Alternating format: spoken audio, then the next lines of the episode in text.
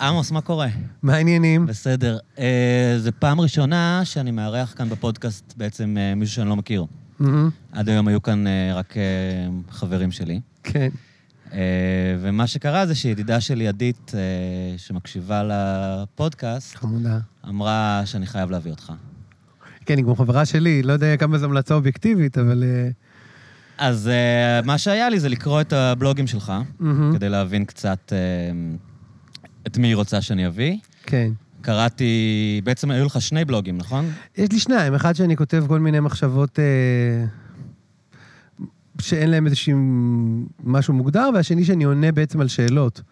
קצת כמו מדעי ייעוץ האמריקאים האלה, דיר ג'ון כזה, שכותבים למערכת. זה נורא נוסטלגי, נכון? ב-2019 זה... ממש. כאילו, זה מהלך מודע לעשות משהו רטרואי כזה? כי, כי ראיתי את זה בהתחלה, זה היה כזה, וואו. נכון. זה מוזר שעדיין, כאילו, עדיין מישהו... זה מוזר שזה עדיין קורה.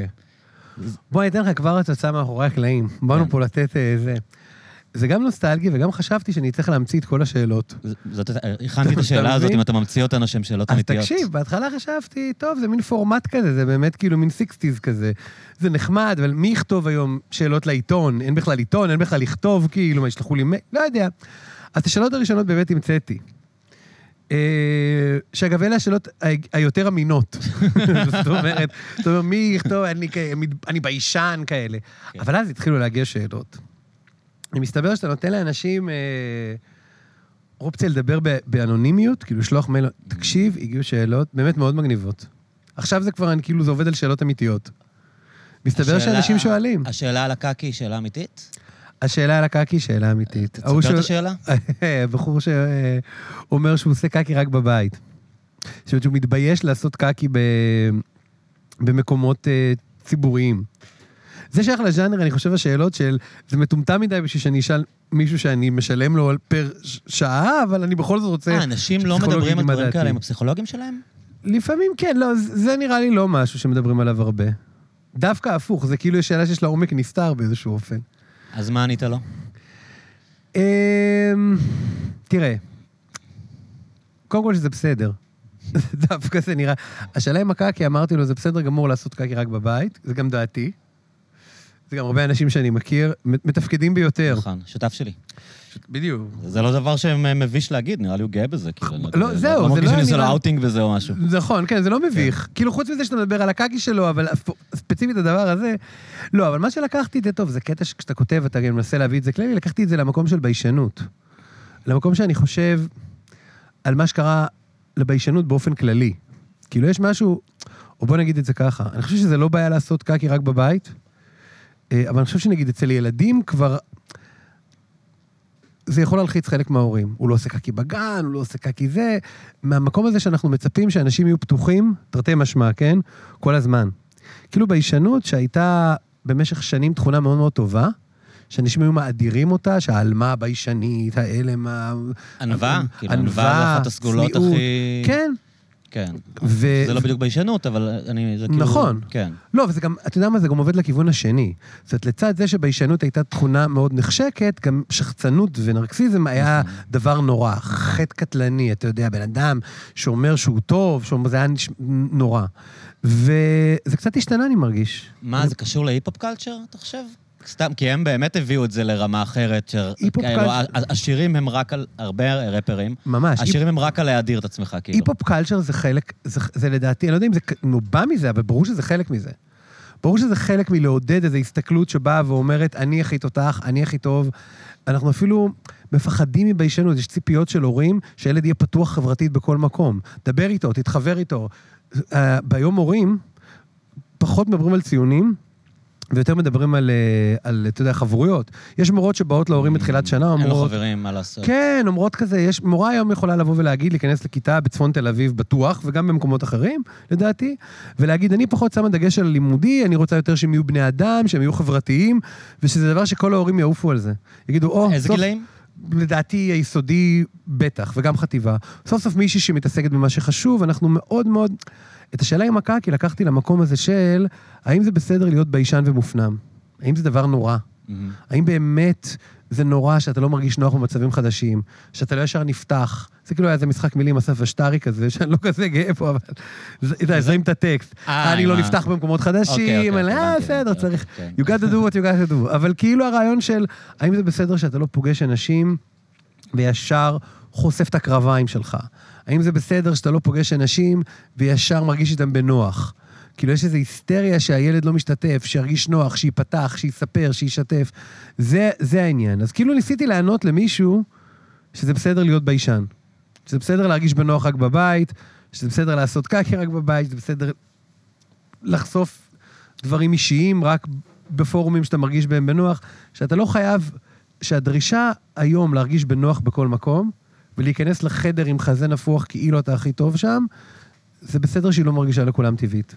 זאת אומרת, זה... אני חוזר להיפ-הופ קלצ'ר, שזה די דפוק שעד שאני מביא בן אדם שהוא לא די-ג'יי, אני ממשיך לדבר איתו על היפ-הופ, אבל לא משנה. לא, לא, דבר איתי לי פה. שכאילו שם זה היה מין empowerment. זה כאילו, בגלל שאנחנו באים מלמטה, בגלל שאנחנו באים מה-hood, בגלל שהחיים שלנו היו קשים, אז אנחנו כאילו נראה את ההצלחה שלנו ונדבר עליה, איך הצלחנו נגד כל הסיכויים, וניתן אה, אולי גם כוח לצעירים אחרים בגטו או זה whatever. נכון. למרות שאתה יודע, קודם כל אני מת על זה שאתה מדבר איתי על מוזיקה. אוקיי. אני רק מזהיר אותך, אני הרבה יותר מדבר- על מוזיקה מכל דבר לא, אחר. לא, אנחנו לא נדבר היום על זהו, אני לא יודע מוזיקה כמה אני מבין בזה, כן. פשוט כמה אני אתרום לה. לא, אנחנו- אבל אה, אני חושב שזה קשור ל-battle, אתה יודע, בהיפ-הופ יש את הקטע של ה-battle, לא. זה לא רק איזו אמירה פסיכולוגית, זה אמירה מול מישהו אחר. אני אפרק אותך, אני כאילו הביג דוג כן, פה, אני זה... ב- פשוט בהרגשה שלי זה דבר אחד שילד אה, מאטלנטה בלי אבא אומר כמה הוא גדול, וזה דבר נכון. אחר כשילדה, אה, אתה יודע, זמרת לבנה עם הורים אה, מעמד ביניים גבוה מתחילה לעוף על החיים, כאילו. זה נכון. לא יודע, בהיפ-הופ יש בזה איזו ילדותיות כזאת חמודה, אתה יודע, זה כמו שהם גם... זה מצחיק. אני... תשמע, אם אתה שואל אותי, אני מרגיש את זה כי אתה רואה את החולשה למטה. Mm, הרבה מהזמרי היפ-הופ, הם גם שרים נגד אהבה, שזה השירים האהובים עליי. אוקיי. ממש, הם אומרים, ain't no love for hoes. כאילו, הם מתחילים את השיר ב... אתה יודע, וזה לא מיזוגניה? זה, מז... זה מיזוגניה מטורפת, אבל מתחת לזה אתה אומר, מה, איזה ילד מסכן זה. הם תמיד כאילו שונאים את כל הנשים חוץ מאימא שלהם. כן. כל... יש איזה שיר אחד, ביג מאמה, נכון. כאילו... Mama, I love you. מאמה, I love you, כשזה טופק, גיד, טופק, גיד, נכון. גידל, גידלת אותי כאילו... וקניה בכלל. כולם, כן. גידלת אותי כן. בגטו עם פודסטמפס, אבל כל השאר זה כאילו ain't no love for bitches, אני לא זה... יש משהו... ב- אין שיט. כן, יש משהו בפגיעות הזאת שזה... בעיניי בהיפ-הופ זה פחות מעצבן, כי אתה צודק. זה גם איזה מישהו שאתה יכול לראות כאילו שהוא רגיש ושקשה לו, ושהוא כאילו... כשכל מיני מיילי סיירוס מתחילות, I'm feeling myself, אתה יודע, וכאלה, אז זה כזה מרגיש... אה, כן. אה, אתה יודע, גם יש, איזה, יש את הקלישאה שאומרת אה, שהמעמד הבינוני חושב שהדבר הכי חשוב בחיים זה אהבה, אבל העשירים באמת והעניים באמת יודעים את האמת שזה כסף. זה כאילו מין... וזה, אתה יודע, כש, כשבא זמר היפו ואומר, it's all about getting paid, אתה אומר, בסדר, כשאתה גדל בבית בלי אוכל, מותר להם להיות חומרנים, כאילו. מותר, זה גם מסר הגיוני, זה, זה סוג של נכון כזה.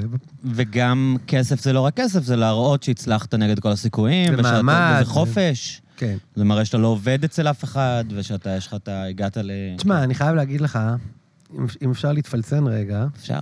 העניין פה הוא, בכל זאת, שזה לא כאילו ביטחון עצמי אמיתי. לדעתי, אצל, ה- אצל הראפרים האמיתיים אתה גם מרגיש את הפגיעות הזאת.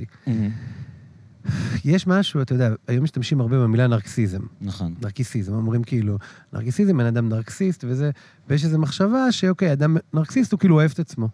פשוט עף על עצמו. זה יותר מתוחכם מזה. אתה יודע את הסיפור של אה, נרקיס במיתולוגיה. כן. אתה מכיר אותו? כן. אז זה הנסיך היפה התואר, שמסתכל בבבואה שלו, שמתאהב בבבואה שלו. אז יש משהו בהיפ-הופ שהוא קצת כזה. זה כאילו להסתכל מבחוץ, זה להתעסק כל הזמן בבבואה שלך. זה להגיד, מה, הם גם, תקשיב, הם לא כל כך מדברים על תכונות, מה יש לי. יש לי ככה, יש לי ככה, יש לי... עכשיו, אדם שמסתכל על עצמו מבחוץ, בבבו... על- מדבר על הבבואה שלו כל הזמן, יש בו איזה חוסר ביטחון מאוד מאוד בולט. הבעיה בנרקסיזם, ואני ברוך השם אה, מכיר הרבה אנשים נרקסיסטים, כן. אה, אתה יודע, אפשר להגיד ששני אנשים שמדברים עכשיו שעתיים למיקרופונים גם, נכון, בוא. נכון. לא, לא- לא לא אומר שאני חף מזה. לא חפים מזה. זה בדיוק. אבל אמ, האנשים הבאמת נרקסיסטים שהכרתי זה אמ, עיסוק אובססיבי במה אומרים עליהם. בדיוק. אני כאילו, היה לי, היה. לי חבר כזה שרק שומע שמישהו שהוא לא מכיר אמר עליו איזה משפט, הלך לו השבוע. בדיוק אבל זה. למה? אבל מה? והייתי אומר לו, אחי, מה אכפת לך מה- מהאיש הזה? כאילו, מה אכפת לך מה הוא אומר? והוא לא מצליח להשתחרר, והוא אמר לי, איך לא אכפת לך? אני לא מבין, איך זה לא מפריע לך שהוא אומר לך... לא. אבל זה, אתה מבין, זה כאילו כשאתה לוקח את האי-יציבות הפנימית שלך, ואתה אומר, אני אסתכל על עצמי מבחוץ. ובגלל זה, זה, זה שילוב קצת אה, ברקוביץ' כזה, אתה יודע, אנשים Mhm. שהם נורא שחצנים, אבל הם הכי פגיעים. כאילו באים ואומרים, אני ענק, אני גדול, אבל בגלל שהוא מסתכל על עצמו מבחוץ, אין לו באמת אור. כל דבר קטן נכנס, חודר אליו. יש גם אנשים ששונאים את עצמם באופן נרקסיסטי. יכול לשבת בן אדם, להגיד לך, אני כזה בן אדם מגעיל, ואז להתחיל לתאר לך את החסרונות שלו, אתה יודע, הוא יושב, הבוהן שלי ברגל קצת עקומה, אומר, וואי, האיש הזה פשוט יושב ומסתכל על עצמו מבחוץ, אובססיבי על ההשתקפות שלו. כן, יש אנשים כאלה, שהוא, מישהו מחיפה אמר עליו משהו, והוא לא ישן בלילה בגלל זה. כן, אני מכיר. אז, אז בוא, בוא נדבר רגע... זה קצת הראפרים לדעתי, אתה מבין? זה כאילו, בגלל זה גם אתה לא ממש שונא אותם, זה כאילו שחצנות אני של לא חולשה בכלל, כזאת. אני אוהב אותם. אני מת עליהם. בוא, בוא נדבר באמת, כי התחלת, אה, קצת סטינו. אה, מה. מה, מה קרה כן. היום בחברה ש, שהגענו לזה ש, שהורים רוצים שהילדים שלהם יהיו מה שאתם הפסיכולוגים קוראים extroverted, נכון? וואי, זה נכון, זה יפה. כאילו, מה, מה, מה, מה קרה? כאילו, זה, זה מין תובנה קפיטליסטית שאלה האנשים שמצליחים בסוף. אה, אני גם, שנייה, אני גם מחבר את זה כמובן, אי אפשר, כי כל שיחה מגיעה לזה, לתרבות האינסטגרם, של להראות את לגמרי. עצמך של כל השתקפויות. הזמן. כמו שדיברנו על נרקסיזם. כן. כן. שאלה טובה. אתה אמור להיות לך תשובות, אה, בשביל זה כן? הבאנו אותם. לא, כי אמרתי, מה, טוב. שמעת על אקסטרוברטים כן. וזה. אני אגיד לך את האמת, זה יותר מסובך מזה. כי זה גם וגם. כי לצד... אני מרגיש שזה תגובת נגד.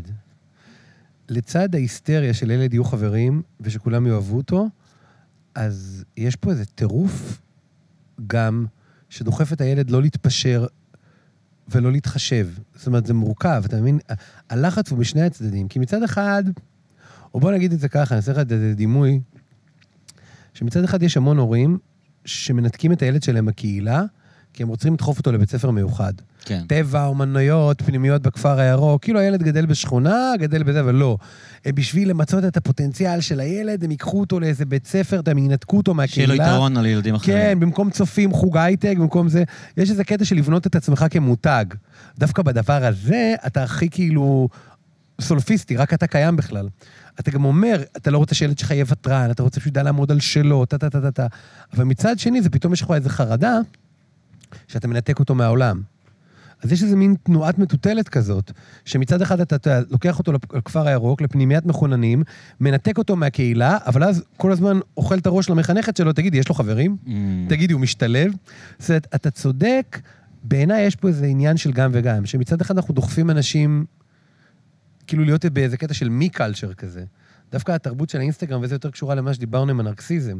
העיסוק הזה... זה לא תופעות קשורות אחת בשנייה? הן קשורות בעיניי. ההשתקפות, על להסתכל על ההשתקפות שלך, ואז לצד זה שאנחנו מחנכים, עזוב מחנכים את הילדים, זה קצת פלצני גם לדבר על הילדים כל הזמן. כן. כאילו, בוא- מי, אתה בוא- יודע, למה בוא- נכנסנו לכיוון הזה בכלל? וגם- המאזינים שלנו הם בליינים רווקים בחלקם הגדול, אז לא יודע לא רק כמה זה. צריך לדבר איתם רק על חינוך. ו- לא, זה לא רק זה, זה גם כן. כאילו דומ... כאילו זה משהו מתחמק להגיד על הילדים, כאילו, כן, מה בוא- אז בוא איתנו? נדבר- בוא נדבר עלינו. כן, או לפחות אנחנו. על אנשים, נגיד, בשנות ה-20 שלהם. עזוב, אנחנו עסוקים כן. כל הזמן באיזה...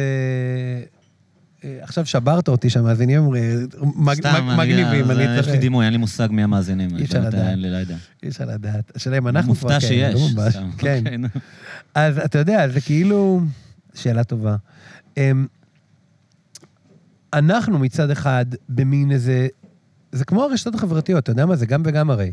מצד אחד, הדבר הכי נרקסיסטי בעולם, זה רק אתה, זה ההשתקפויות שלך, זה להקיף את עצמך באיזושהי מראה מחמיאה כל הזמן. אתה יודע, יש פסיכולוג שמדבר על ה-faceless mother. אז הפייסבוק הוא כזה מין, הוא קבוצה מה זה- כזאת. מה זה המונח הזה? הרעיון הוא, ש- זה כאילו רעיון שאומר, בוא נדבר על זה אחר, בזווית אחרת. זה כאילו רעיון שאומר, אנחנו לא מנתקים את חבל הטבור. אנחנו כל הזמן באיזה קשר, באיזה ווייז, באיזה... מסתכלים על עצמנו, מפארים את עצמנו, ממתגים את עצמנו, מודדים את עצמנו מצד אחד, אבל מצד שני שזה היסטריה חברתית של אל תהיה ביישן, כמה לייקים אתה מקבל.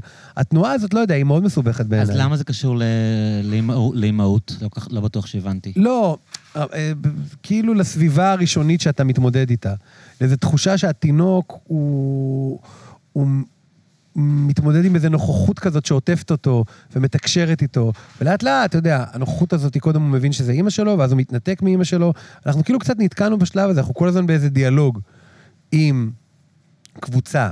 כל הזמן אנחנו באיזושהי שיחה שלא נגמרת, אתה יודע, עם איזה חבל טבור שלא מנותק. בואו ניקח את זה למקומות קונקרטיים. כן, כאילו, זה קצת היה- האינסטגרם, אוקיי? כן. אנשים כאילו באובססיה על להראות עצמם מה הדימוי שלהם. נכון. כל בן אדם מתחזק פרסונה, כל בן אדם חי באיזושהי אשליה שהוא סלב. כלומר, ההתנהגות היא ממש. מאוד כאילו, אני סלבריטי גם אם אני, אין לי שום דבר להציע לעולם. עדיין אנשים עוקבים אחריי, עושים לי לייקים, ברור. מגיבים לי. אה, עזוב, אני גם מחקה את התכנים האלה, אני מצטלם בפוזות של, אני כן. קים קרדשיאן. ו- ממש, כן. אה, ו- וכמה זה קשור לדעתך לתחרותיות, ל- לעולם מבין? קפיטליסטי? נכנסנו למקום, מה זה מסובך? רציתי להיות יותר אה, ברור, אבל זה, זה, זה בדיוק זה. כי מצד אחד אתה אומר, בעולם הזה שאני סלב בו, רק אני קיים. זה ממש נרקסיסטי לגמרי. ומצד שני, יש פה איזו רדיפה כל הזמן, אחרי איזה אישור של אחרים, כמה אני Mm. חברותי, כמה אני מתקשר, כמה... הבנתי. כאילו, אכ- אכפת לי מעצמי, I'm feeling myself, but I'm only feeling myself כשמגיבים אליי. דרך I החיים. can't feel myself בלי הלייקים, כאילו. בול. אתה יודע משהו? שיריצו קדימה עד לפה. כן. אני, מצד אחד אני מאוד עסוק בעצמי, מצד שני אין לי חוויה פנימית של עצמי. יש לי חוויה חיצונית של עצמי. אז אני מאוד עסוק בעצמי, אבל העיסוק שלי בעצמי מתבטא דרך זה של על מה מחזקים אותי, מה אומרים לי, מה רוצים ממני, מה... זה מטורף. כאילו, על הזין שלי העולם, תראו איך אני נהנה, ואז אבל לא קיבלתי מספיק לייקים, אני, הזין- החיים שלי גרועים. על הזין שלי העולם, עולם, מה חשבת שאמרת שאני- שאתה על הזין אה, שלי, יפה, כאילו. יפה. זה אהבתי מאוד. כאילו הדיאלוג המ- המופרע הזה שאנחנו נמצאים בו, שבעיניי פשוט אנחנו מאוד מאוד, מקצין. אז במסגרת הקליניקה שלך כ- כקלינאי, אה, מטפל באנשים, אה, אתה נתקל בזה כבעיה שאנשים חווים ביום-יום, ואם כן, מה אתה ממליץ להם? אה? תשמע, זו שאלה טובה. אני לא יודע, אחד הדברים הכי תעלומות שאין להם תשובה בפסיכולוגיה, זה אם יש בעיות חדשות, או כל הבעיות הן בעיות אה, ישנות בבגדים חדשים. מהמם. אתה מבין? אפשר לתת פה עכשיו תיאוריה פלצנית על איך האינסטגרם והפייסבוק, אפילו מה שאנחנו אמרנו, שבעיניי, אני מבסוט שהגענו לזה בסוף. כן. לא יודע אם זה משהו חדש. מהמם. אם- אם זה האינסטגרם המציא את זה, או שזה רק מתבטא עכשיו, קשה להגיד. יש בקליניקה, תשמע, יש דברים לדעתי שכן משנים, לא אגיד את נפש האדם, אבל יש בעיות שהן ספציפיות לתקופתנו. אני לא יודע אם הייתי, אתה יודע משהו? לא יודע אם הייתי מדבר על האינסטגרם, כי האינסטגרם הוא, בין, אני לפחות לא לגמרי מבין אותו. כי הוא עוד כלי לאינטראקציה חברתית וזה. אבל דיברת על הבליינים בני הזה, נגיד פורנו. כן. פורנו באינטרנט זה משהו שבעיניי יש לו השפעה, כן, חזקה מאוד על איך שאנחנו חיים, על איך שאנחנו שוכבים, על איך שאנחנו... תמיד הייתה פורנוגרפיה, אבל ההיקף שלה והאופן. שבו היא מאורגנת והזמינות הוא אחר, והוא בתחושה שלי, באינסטינקט, משנה משהו. אז בוא תספר מה הנזקים שלדעתך הפורנו עושה. אמ, תראה, רוב המחקרים מראים שאנשים שצורכים פורנו, זה כמו כל האנשים שהם... זה כל האנשים, לא? כן, כן, ברור. אוקיי. כמו אנשים שמכורים, כן. הם צריכים להגדיל את המינון כדי אמ, אמ, להשאיר את אותו אפקט. ואז מה קורה? אנשים מתחילים לצרוך פורנו יותר ויותר ביזארי כדי להתרגש, כולל אנשים שלא היה להם את הסטיות האלה בהתחלה. כאילו, תחשוב על זה, אתה יושב, רואה בסדר. אתה, אה, זיון, זיון, זיון, זיון, אפשר להגיד, נכון? אפשר להגיד מה שאתה רוצה. ואז אתה אומר, טוב, משעמם לי, זה לא מרגש אותי מספיק, אז אני, זה, אז גמד, אז גמד ואימא שלו, אז גמד אימא שלו להם קשה ואלפקה. לאונן בלי פורנו, נכון? נהיה לי קשה מאוד לאונן בלי פורנו, וגם הסקס הרגיל כבר לא מרגש אותך, כי באיזשהו מקום נתקעת באיזה פינה. עכשיו, דבר מוזר בעיניי, הרבה אנשים רואים פורנו שהם לא היו יכולים לממש בחיים כבר. כי אתה מבין, הבעיה עם פורנו זה קצת כמו, אה, כמו שיש את השלטי פרסומת האלה של אוכל, כן. ואז הוא רק מצטלם, אתה יודע, אז שמים דבק במקום חלב ומשחת נעליים, כי שכאילו... הרי אוכל אמיתי, אתה יכול גם להריח אותו וגם לטעום אותו, אבל כדי שהוא ייראה טוב, אה, אתה אני לא צריך ידעתי לעשות שזה. קיים, אוקיי. אני, לא אני, רואה? אני רואה תמונות, לא פרסומות אוכל לאוכל. וזה לא האוכל עצמו, לא זה. דברים שנראים יותר טוב. טוב, אתה רואה פרסומת אתה ל... זוכר את זה ב-Falling Down עם אה, כן. מייקל דגלס, שהוא הולך לקנות את המקדונלדס, כן. והוא אומר להם, זה לא נראה כמו בתמונה בכלל, ואז הוא ממש. מחרפן? ממש. זה הסרט האהוב עליי, נדבר עליו אחר אה. כשהוא יוצא זה קטע. מהפקק, אני מת על אה, זה. לפעמים יש לי... מה? מרגיש אותך, סתם, נו, אוקיי. ברור, לא, שזה הסרט. האהוב עליך, סתם הסרט ראשון שהזכרתי, זה מצחיק. ברור. מלא זעם. synchronicity, מה? סתם. מדהים. אוקיי, נו. אה, אתה רואה מה? אתה מדבר על פורנו, דברים נפתח... הצ'קות נפתחות. בקיצור, אז כן, אז... אז לא, כשאתה רואה אגב פרסומת לקורנפלקס, אז החלב הוא כזה הוא לא חלב. לבנה, וזה אני ברור. לא ידעתי את זה. כי מה שקורה זה שבגלל שאתה לא יכול להריח וזה, לוקחים דברים שמצטלמים טוב. עכשיו, זה בדיוק זה. הרי אתה לא יכול להריח סרט פורנו, אתה לא יכול לטעום אותו. אז משתמשים שם בדימויים ויזואליים מאוד מאוד חזקים. אתה חייב בשביל להתרגש מפורנו עוד ועוד ועוד ויזואליות, ואז באיזשהו שלב אתה נתקע, כי הסקס רגיל לא מרגש אותך יותר. הוא לא נראה, הוא לא מצטלם ככה. אז אתה הולך לפורנו, אבל, אבל אתה אפילו לא יכול להגשים את הפורנו במציאות, כי זה לא דבר שבהכרח היית ממש רוצה לעשות. אז הפורנו בעיניי הוא למשל דוגמה מאוד טובה. אז אתה פוגש שמגיעים אליך, נגיד, אנשים נשואים או לא נשואים, עם אה, בעיות במיניות שאתה מבין שהן אה, קשורות לצפייה בפורנו? אני חושב, הייתי אומר, בוא נגיד, בלי לחשוף יותר מדי מטופלים בזה, הייתי, אה, הייתי אוקיי, חושב, סליחה. לא, זה, הייתי חושב ש... אני לא מבין בזה. הייתי חושב כן.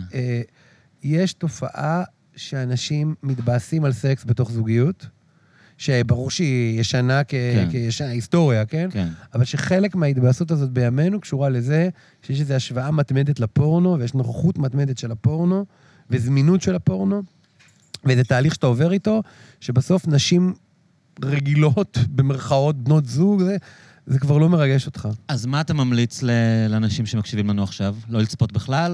או... לא יודע מה אני ממליץ. בעצות ריאליות, אתה אומר. לא, אתה יודע, גם לא צריך להתחסד וזה. מה הייתי ממליץ לאנשים? להיות לגוון. מודעים, לשים לב מה הם עושים? לדעת לאונן גם מהדמיון. אוקיי. לא לאבד את, ה... לא לאבד את השריר הזה. כאילו, להיות מסוגל גם לרגש את עצמך. כי אם אתה לא יכול לרגש את עצמך, יהיה לך קשה מאוד לרגש את עצמך בסקס רגיל, ואז נגיד, אם יש המלצות, לא יודע אם יש לי המלצות. אתה- אמור, ל- אתה יודע, כן. אני אני שמתי לב שאנשים שהם הפאבליק ספיקרס המצליחים, כן? הם אנשים שיש להם תמיד תשובה כששואלים אותם וואו. שאלה, גם אם הם לא באמת יודעים. כאילו. ברור. אה, תמיד, אתה יודע, יש את התוכניות פאנלים האלה, ברור. ואז יש שם חבורת אנשים שלא משנה מה, מה מעלים, תוך שנייה הם כאילו, אתה יודע, היה כל מיני תוכניות כאלה, תרבות בערוץ 8, יושבים שם איזה ארבעה אנשים. רציתי לשאול אתכם שאלה, או שמנפיץ איזה שאלה, תוך שנייה, כולם כאילו, אתה יודע, מתחיילים. בוא אני אגיד לך מה אני חושב על הנושא הזה. וכאילו, בן אדם, תחש... מה זה, ישי שנייה, הם תחשוב לא על חושבים זה. בכלל, כן. ברור. אתה מדבר עם פסיכולוג, זו נקודה מאוד כואבת אצלי. תחשוב בתחום הזה כמה אנשים יש שאומרים לך, אני אגיד לך, אני אוכל את עצמי אפילו בהתחלה, אני אומר, אה, חבל שגמגמתי על הפייסבוק, זה עדיף להגיד, תקשיב טוב, אני אגיד לך, אינסטגרם הורס את נכון. הנוער, ושיכבו את נכון. הפורנו, ושיאכלו ירקות, אני לא יודע. אז זה מעניין, כי אני אה, הסתכלתי גם ב-wall שלך, כבר לא אומרים wall, ב-timeline, ב-timeline. ב-timeline שלך בפייסבוק, כן. אז ראיתי אה, ויכוח שלך עם מישהי לגבי ג'ורדן פיטרסון. אה, הוא חמוד. אז כן, לא, אתה- תן לשאול, רגע. סליחה, סליחה. אמ, שנראה לי כבר לא צריך להגיד לאנשים מי הוא, אפילו אבא שלי יודע מי הוא, ו-if you don't know, google it. ממש. אבל הוא, כאילו, לפני שנדבר עליו, אם, אם, אם אתה רוצה לדבר עליו, אמ, כאילו אקדמאים אוהבים, אני מנסה לא להתחיל לדבר עליו. בגדול, אני מרגיש שאנשים מהמם. שיש להם תשובה לכל דבר, הם נורא נחוצים היום. ברור. ואז דמויות. כמו, בוא נרגע נשים אותו בצד, דמויות כמו יובל נוח הררי, כן. שאתה יודע שאתה תביא אותו עכשיו לאיזה סימפוזיון ותשאל אותו, "אה, מיסטר נוח הררי, Yes. אה, מה אתה חושב על אה, אינטליגנציה מלאכותית? מה אתה חושב על פורנו? מה אתה חושב על. נושאים שהם ממש לא בתחום ההתמחות שלו? יש לו תשובה מלומדת על כל דבר, בעוד. אקדמאים רציניים, אה, וזה דבר שאני מאוד אהבתי באוניברסיטה, Mm-hmm. עומד מולך בן אדם מאוד חכם, והוא אומר לך, תשמע, זה לא התחום שלי. כאילו, אתה יודע, אני יכול להגיד לך מה אני חושב על זה, אבל אם אתה שואל אותי כפרופסור, אז כאילו, עזוב אותי, אני באמא שלך. אתה מאוד צודק. יש לי אפילו סירוב מצפון על מה שאמרתי קודם. לא, נכון. אני הבאתי אותך כדי להיות בן אדם כזה שאומר את הדעה שלו על כל. דבר. לא, לא, לא, ש- אני חושב שאתה צודק. זה, אתה יודע, תראה, קודם כל זה קצת לטוב ולרע.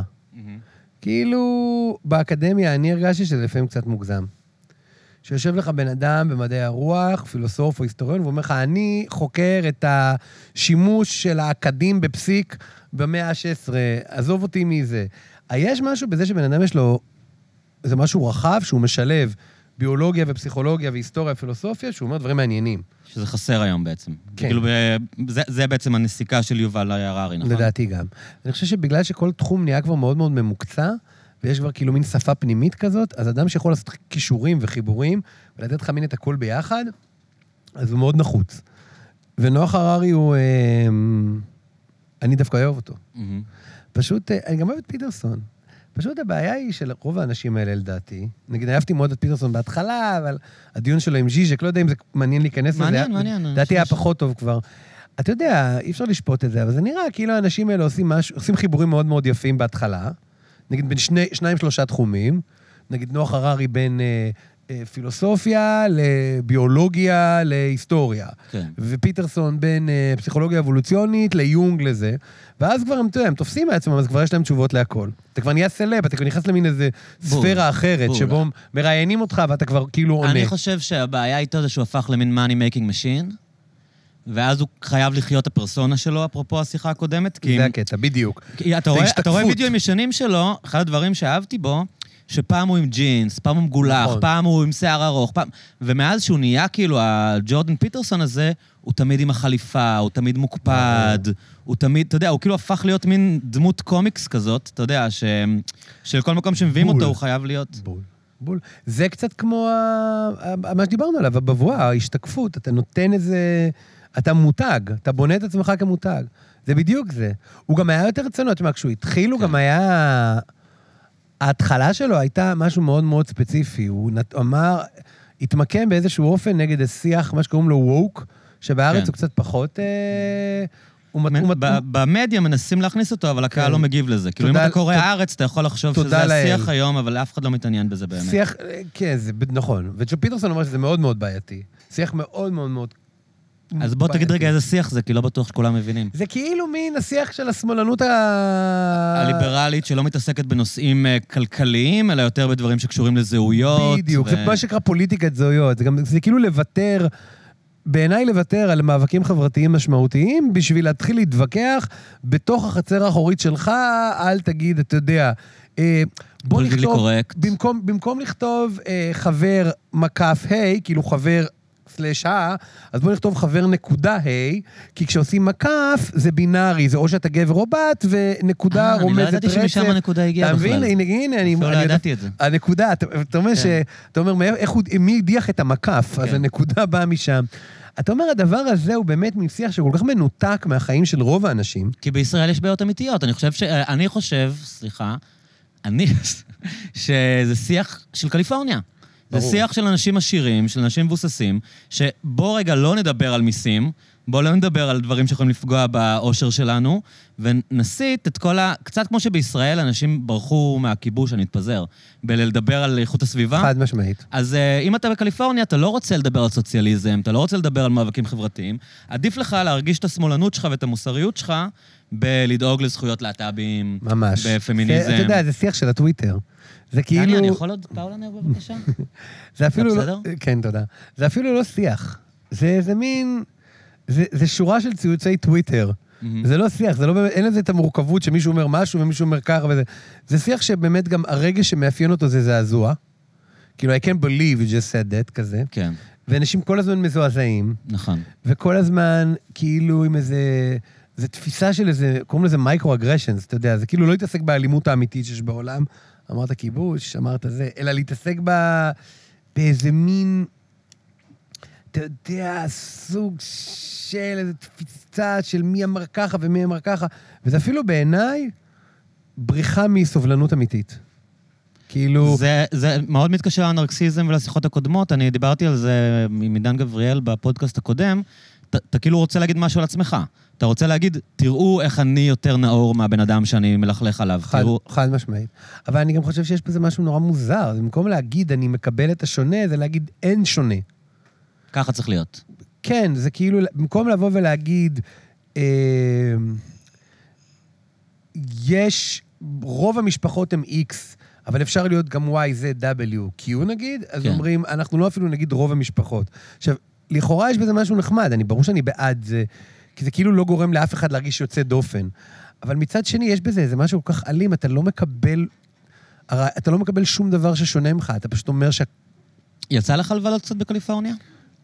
אה, בטיול אחרי צבא... אה, אוקיי, לא, כי באמת, ב- ראי- כי לא ראיתי ראיון עם. אדפילד, עם ג'יימס אדפילד ממטאליקה, כן. והוא אמר שהוא, ברח מקליפורניה בגלל זה. כאילו שהוא אמר שהכפייה הזאת, להיות אה, כמו כולם, אה, הרגה אותו. אני סתם פשוט... אני אוהב את ביל מר, אתה יודע, הסטנדאפיסט השמאלני, כן. שבאמת אומר שלדעתו הטוויטר הורג את השמאל האמריקאי ואולי בעולם. זאת אומרת שה...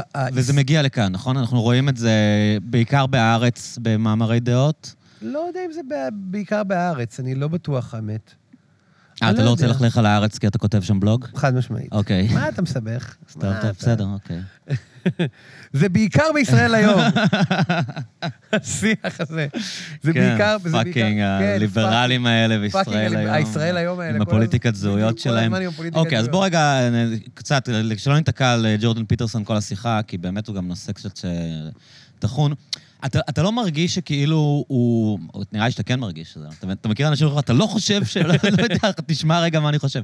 לא, אבל... אמ, שהוא קצת אה, הופך את האיום הזה של הפוליטיקלי קורקט למשהו לא פרופורציונלי. ברור. כאילו, אוקיי, יש אנשים כאלה, אבל הוא, הוא מציג את זה כסכנה לשלום העולם, כאילו זה. האיום הכי גדול שיש. אני חושב כמוך. הנה, אתה רואה? זה כן. יותר מזה, זה בדיוק מה שאמרת על הכיבוש. אני חושב שיש, שיש איזשהו, יש איזושהי שכבה קטנה וקולנית, שלכולם נוח להתייחס אליה, כי היא יותר חשובה ממה שהיא. זה נוח לה לדמיין שהיא מנהלת את העולם, עם כל מיני אמירות, סטייל, אתה יודע, ליברליות בשקל, ולהזניח מאבקים חברתיים וכיבוש ודברים כאלה, וזה מאוד נוח לימין, כי אפשר בקלות להסית נגדה. הרבה יותר קל להסית נגד איזה מישהו מיופייף שמדבר על אה, בינאריות מגדרית, מאשר באמת לדבר, על, אתה יודע, על כיבוש, על דברים כאלה. אז זה כאילו יוצא נוח לכולם שהדבר הזה הוא כאילו בפרונט. כן. שזה השיח השמאלי נהיה. כן, שכאילו, אתה אז יודע. כאילו בעצם השמאל מפיל את עצמו כשהוא אה, כן. מתעסק בדברים האלה. שזה הופך להיות כרטיס... שזה היה מאוד ברור, שזה אני חושב, בקמפיין של הילרי שזה קלינטון הופך להיות כרטיס באמריקה. הביקור שלו. כשהילרי בכלל כאילו לא התעסקה בבן אדם העובד, אלא רק בכמה טראמפ אה, שוביניסט וכמה אנחנו צריכים לקבל את כולם, ואנשים שהשיח הזה בכלל לא רלוונטי אליהם ודואגים שמחר בבוקר לא תהיה להם עבודה ואין להם ביטחון סוציאלי, היא לא הגיעה אליהם בכלל ולא כן. דיברה איתם לב... אני הייתי מציע לתת לטראמפ אבל יותר קרדיט. טראמפ זיהה את האלימות שיש בשיח הזה כלפי גברים לבנים, מהמם. כי... ו... ו... ובצורה מוזרה, הצליח למתג את הגבר הלבן כ... כקורבן. כ... כ... כקורבן. עכשיו, בוא צריך להגזים. גם אם השיח הזה, הכוח שלו יגדל פי 60 מיליון, עדיין יש אפליה, עדיין הגברים הלבנים זה סקטור שמדכא יותר סקטורים אחרים, והוא לא באמת, בשו... אין סכנה, אתה יודע, כן. לקיומנו. בוא. נגיד את האמת. זה- זה לא. גם לגבי פיטרסון. כן, חד. משמעית. אף אחד לא נושף בעורף כן. של, אה, של אף אחד פה. כן. אבל uh, טראמפ הצליח לתפוס החוצה את הקצוות חוטים מהשיח הזה, והיא לא- לא השכילה uh, לעשות את הפרסה מספיק טוב. אבל היא גם הייתה חסרת חן כזאת. לא, יש לה הרבה בעיות. אבל יש לה הרבה כן. בעיות. אבל, אבל בוא נגיד עכשיו, אמ, אם, אם השמאל האמריקאי אה, יתחיל להתמקד באמת בנושאים חברתיים אמיתיים, בנושאים של סוציאליזם, נראה לי שזה בעצם הסיכוי שלו, לא? אם הוא ימשיך לדבר רק על אה, זכויות הטרנסים, וואי, זו שאלה מעניינת מאוד. זו שאלה מאוד מעניינת. הסיכוי של השמאל האמריקאי, אני לא יודע. אני לא בטוח שיש יותר פוליטיקה כמו שהכרנו אותה. מה זה אומר? אפרופו השתקפויות וזה, אני חושב שזה עניין של... של בן אדם פשוט, כמה הבן אדם סוחף, לא משנה מה הרעיונות טראמפ הוא שלו. לא ממש ימין. נכון. טראמפ הרי היה, פופוליסט. טראמפ היה במפלגה הדמוקרטית, ואז הוא אמר, עבר למפלגה הרפובליקאית, והוא אמר ששם יותר קל להיבחר. זה ציטוט, הוא כאילו היה בן... הוא, הוא מיתג את עצמו באיזשהו אופן.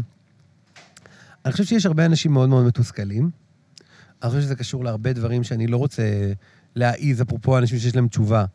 אני חושב שזה כן קשור, בעדינות אני אגיד שזה כן קשור לעיסוק הזה בהשתקפויות, ולאיזשהו סף של ריגוש שעולה, ולטשטוש הגבולות. בין, אתה יודע, כשהתחילה התוכנית של ג'ון סטיוארט, ה-Daily Show, כן. אז דיברו על infotainment, נכון, תוכניות שהן גם חדשות וגם בידור. נכון, זה נהיו התוכניות לדעתי הכי חשובות. ג'יימי אוליבר, ג'ון סטיוארט, כל האלה. כן. וזה נהיה טשטוש, אתה יודע, טראמפ, זה היה מצחיק, אתה אומר טראמפ, טראמפ היה ב-WWF. אני רואה ראיתי אותו ברסלמאניה. WWE היום אומרים. היום, נכון. אני מרגיש זקן שאני אומר נכון, WWF נכון, עם כזה, האנדרטייקר כן, וברט הארט. ו- כן, בדיוק, נכון. שון מייקלס. הוא- בדיוק. אני הייתי בצד של ברט הארט. אבל באמת, אתה מבין? כאילו, טראמפ היה ב-WWF. טראמפ התחיל עם אה, מייגן מרקל, הם היו ב-Let's Make, כאילו, Let's Make a Deal האמריקאים, היו שניהם כן. שופטים שם. או משהו כזה, אני לא בדיוק זוכר. אבל זה נהיה, יש איזו זליגה כבר לא ממש ברור. אז השאלה היא איזה דמות תגיע. אתה יודע, איזה דמות תבוא. זה הפרסונה, זה לא העמדות. זה הפרסונה לגמרי, וזה המיתוג כן, של כי הפרסונה. עובדה שאובמה, אנשים עפו עליו כשהוא היה ליברל, ואז בא בן אדם עם עמדות אחרות לגמרי, אבל משמעית. אתה רוצה לראות אותו, אתה רוצה, גם אני, אתה יודע, אני לא אעביר ערוץ בחיים ברור. כשדונלד טראמפ מדבר. גם אני, אין- מה אין, אני- הכריזמה שלו, ה- אתה מת מצחוק, יש לא- משהו בכנות, אתה יודע, אם. אני אפתח טלוויזיה, אני אראה את דונלד טראמפ מדבר, אין שום סיכוי שאני אעביר ערוץ, זה לא יקרה. כאילו. אה, תקשיב, יש את הכנות הזאת בריאליטי, הרי אומרים היום הרבה ללכת עם האמת שלך. כן, כי יש משהו בהשתקפויות, המרדף אחרי השתקפויות, שאנשים נורא מפחדים לדבר. כן. ואז אני חושב שזה, אתה יודע מה, אולי קשור לנושא הקודם שאמרת, אלה שיש להם תשובה לכל דבר. כיוון שאנחנו היום דופקים חשבון, ולא כל כך ברור מי מסתכל עלינו ואיך, אז כשיש מישהו שיש לו אומץ לדבר, הוא נורא סוחף. וטראמפ הוא כזה. ובמיוחד כשהוא אומר דברים outrageous and getting away with it. ממש, כל הוא- פעם, כל פעם שאנשים מזדעזעים ממה שהוא אומר והוא מתגבר על זה, אז הוא, הוא בעצם מנצח עוד קרב, וה, מטורף. וה-appeal שלו גדל. הוא איש כאילו. מטורף, ה- היה לו שם משפט שהוא אמר על הסעודים, הוא אמר, הם נתנו לי מלא כסף. am I supposed not to like them? ואתה אומר, fuck, כן. הוא כאילו... עכשיו, אתה יודע, זה, אתה מדבר על פוליטיקה, זה הסיבה שאנשים בארצות הברית עזבו את ברני סנדרס ועברו לטראמפ. כן. וזה גם עצוב להגיד, אתה יודע, אנחנו מדברים פה על הפוליטיקה האמריקאית, בוא שנייה... בוא נעיז ונאמר שגם אצלנו, כאילו... גם את ביבי אתה רואה ואתה לא... אתה לא מעביר ערוץ כשביבי לא, מדבר. הוא הרבה יותר כריזמטי והרבה יותר מגניב. אתה הרעיון שלו, מה, מה פתאום, יש לו את ה... תשמע, הוא cool. כן, גם כן. כשהוא משקר אתה נהנה. מה זה? כן. הוא cool. זה כן. כאילו מסוג האנשים האלה, אתה יודע, אתה כאילו אומר, אני אמור לא לאהוב אותו, ואז אתה רואה אותו, ואתה אומר, "אה, מה, אתה מת הוא שהוא יהיה תותח." בצד שלך, אתה אומר, אם הוא רק יעבור לצד שלי, אני אחבק אותו, וכאילו... ממש, ממש. אבל אני לא יודע אם הוא לא כבר עבר את הנקודה הזאת אה, באיזושהי רמה, בוא כאילו... נראה, טראמפ גם עבר אותה. לא, אבל- לא, אני לא אומר שהוא ייבחר, שהוא לא ייבחר, הוא ייבחר, אבל אני רק אומר שכאילו יכול להיות ש... שמתישהו זה כבר מקדיש את הסאה, אני לא יודע. או שלא, אה, לא. כן, כאילו, אה, א', כן. השאלה אם יש טעם להגיד סתם משהו שאני חושב. נכון, נכון, נכון. לא, הדבר אה, הכי ברור זה כן. שאין... כל מי שנותן תחזית על פוליטיקה בכלל, אפרופו טראמפ, ובפוליטיקה הישראלית, כן. אתה יודע, אתה- אף אחד לא ראה את זה שביבי לא הולך להקים ממשלה. ממש. חוץ מאגב אייל ברקוביץ', לא יודע אם ראית את הוידאו המדהים כן, הזה. ראיתי את זה. ראית את זה? שמי שלא ראה את זה, עמית סגל כאילו בא לדבר איתו. על המגעים. הוא חזה את זה, לפני אה, הבחירות, וברקוביץ' אמר, לדעתי אחרי הבחירות יהיו עוד בחירות. לא יודע למה, לדעתי אחרי הבחירות יהיו עוד בחירות. עכשיו, כל המבינים, כל המדינה הזאת עם המיליון פרשנים פוליטיים, שכל אחד הוא פרשן פוליטי ב- מטעם עצמו בטוויטר, ברור. אחד לא אמר שביבי לא יצליח להרכיב את הממשלה. כל הטוויטר היה מלא ב... אה, ממש, ממש עובדים עלינו עם ההצגה הזאת, תפסיקו, אף אחד לא מאמין גם אני לא לכם. האמנתי. אבל זה ברקוביץ'. אבל ברקוביץ' אמר על קים ז'ונג און, אני לא יודע מה אומרים עליו, לי הוא נראה סבבה. אתה יודע. זה נורא דונלד כאילו טראמפי. בדיוק. כן. זה נורא דונלד טראמפי, וזה העולם הזה, ש- בגלל זה אתה אומר, אני לא רוצה שהילד שלי יהיה ביישן.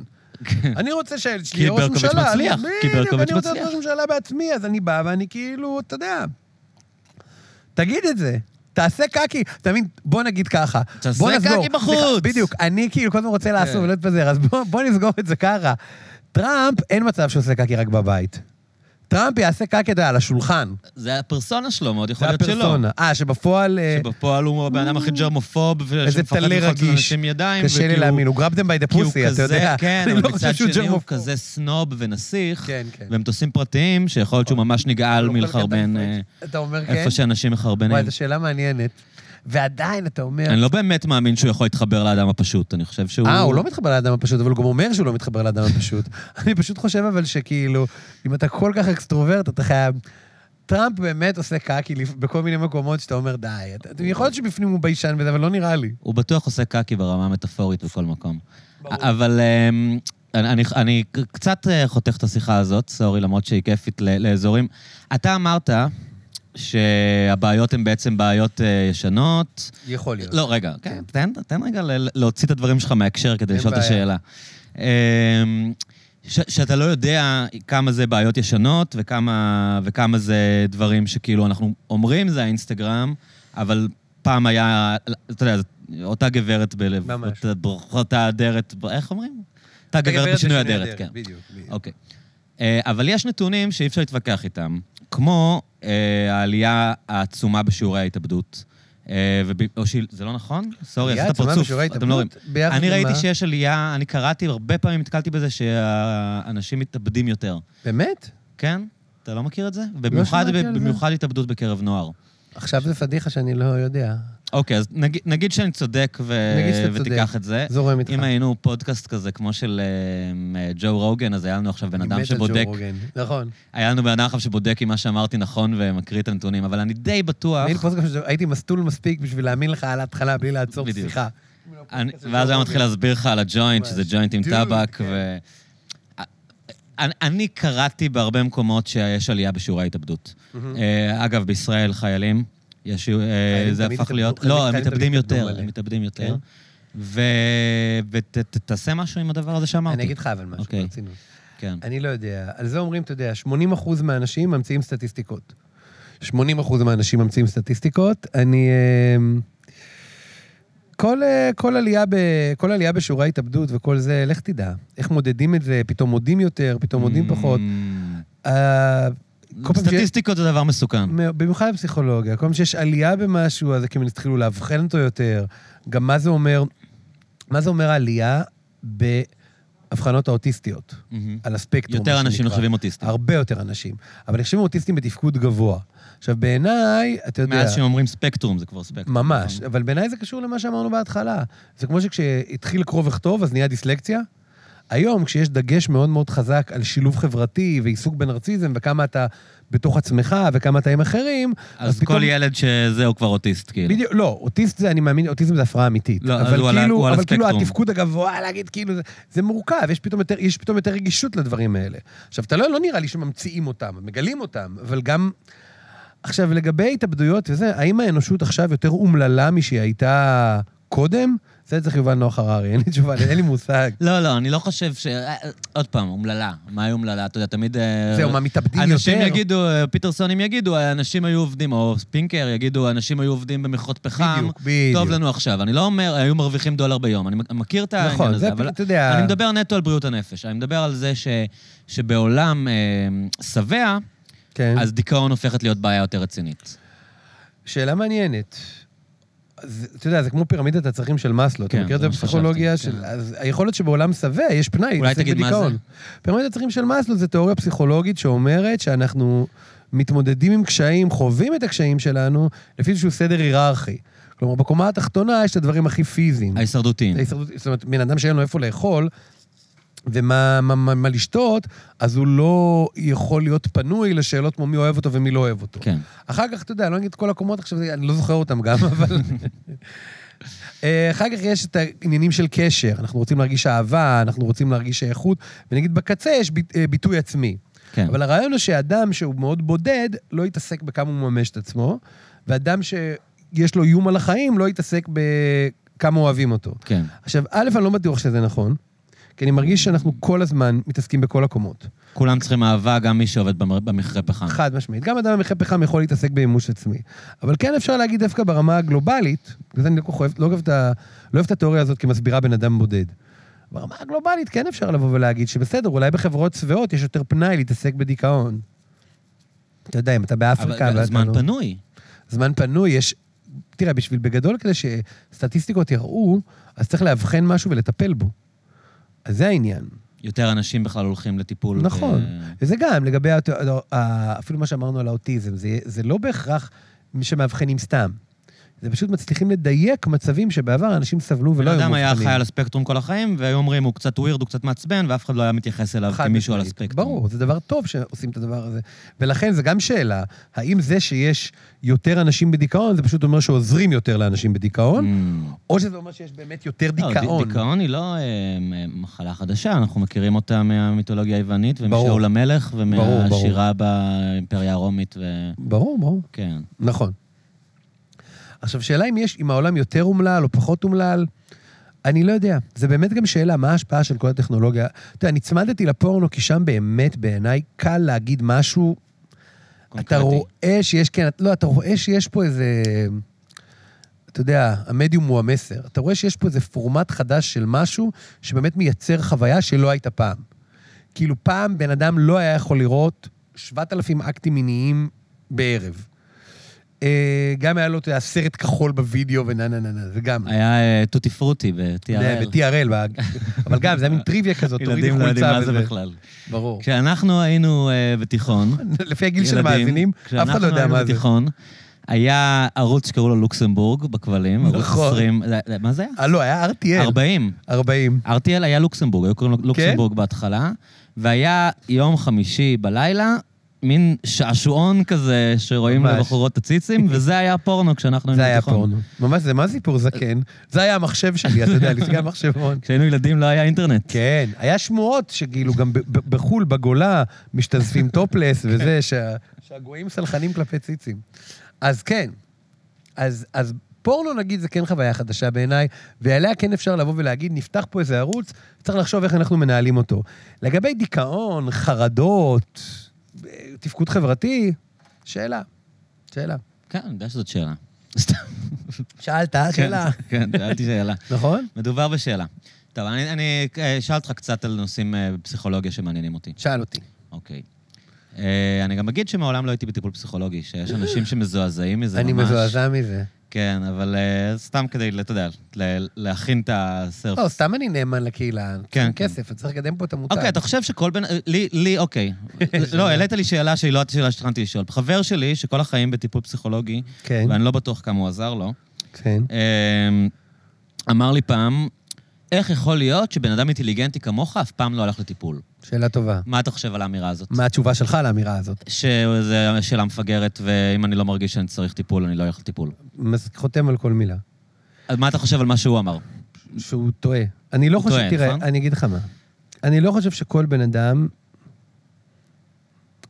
זה בעיה. אתה יודע משהו? אני אגיד לך את האמת. אני לא חושב שכל בן אדם צריך טיפול. אני חושב שזו אמירה מאוד בעייתית.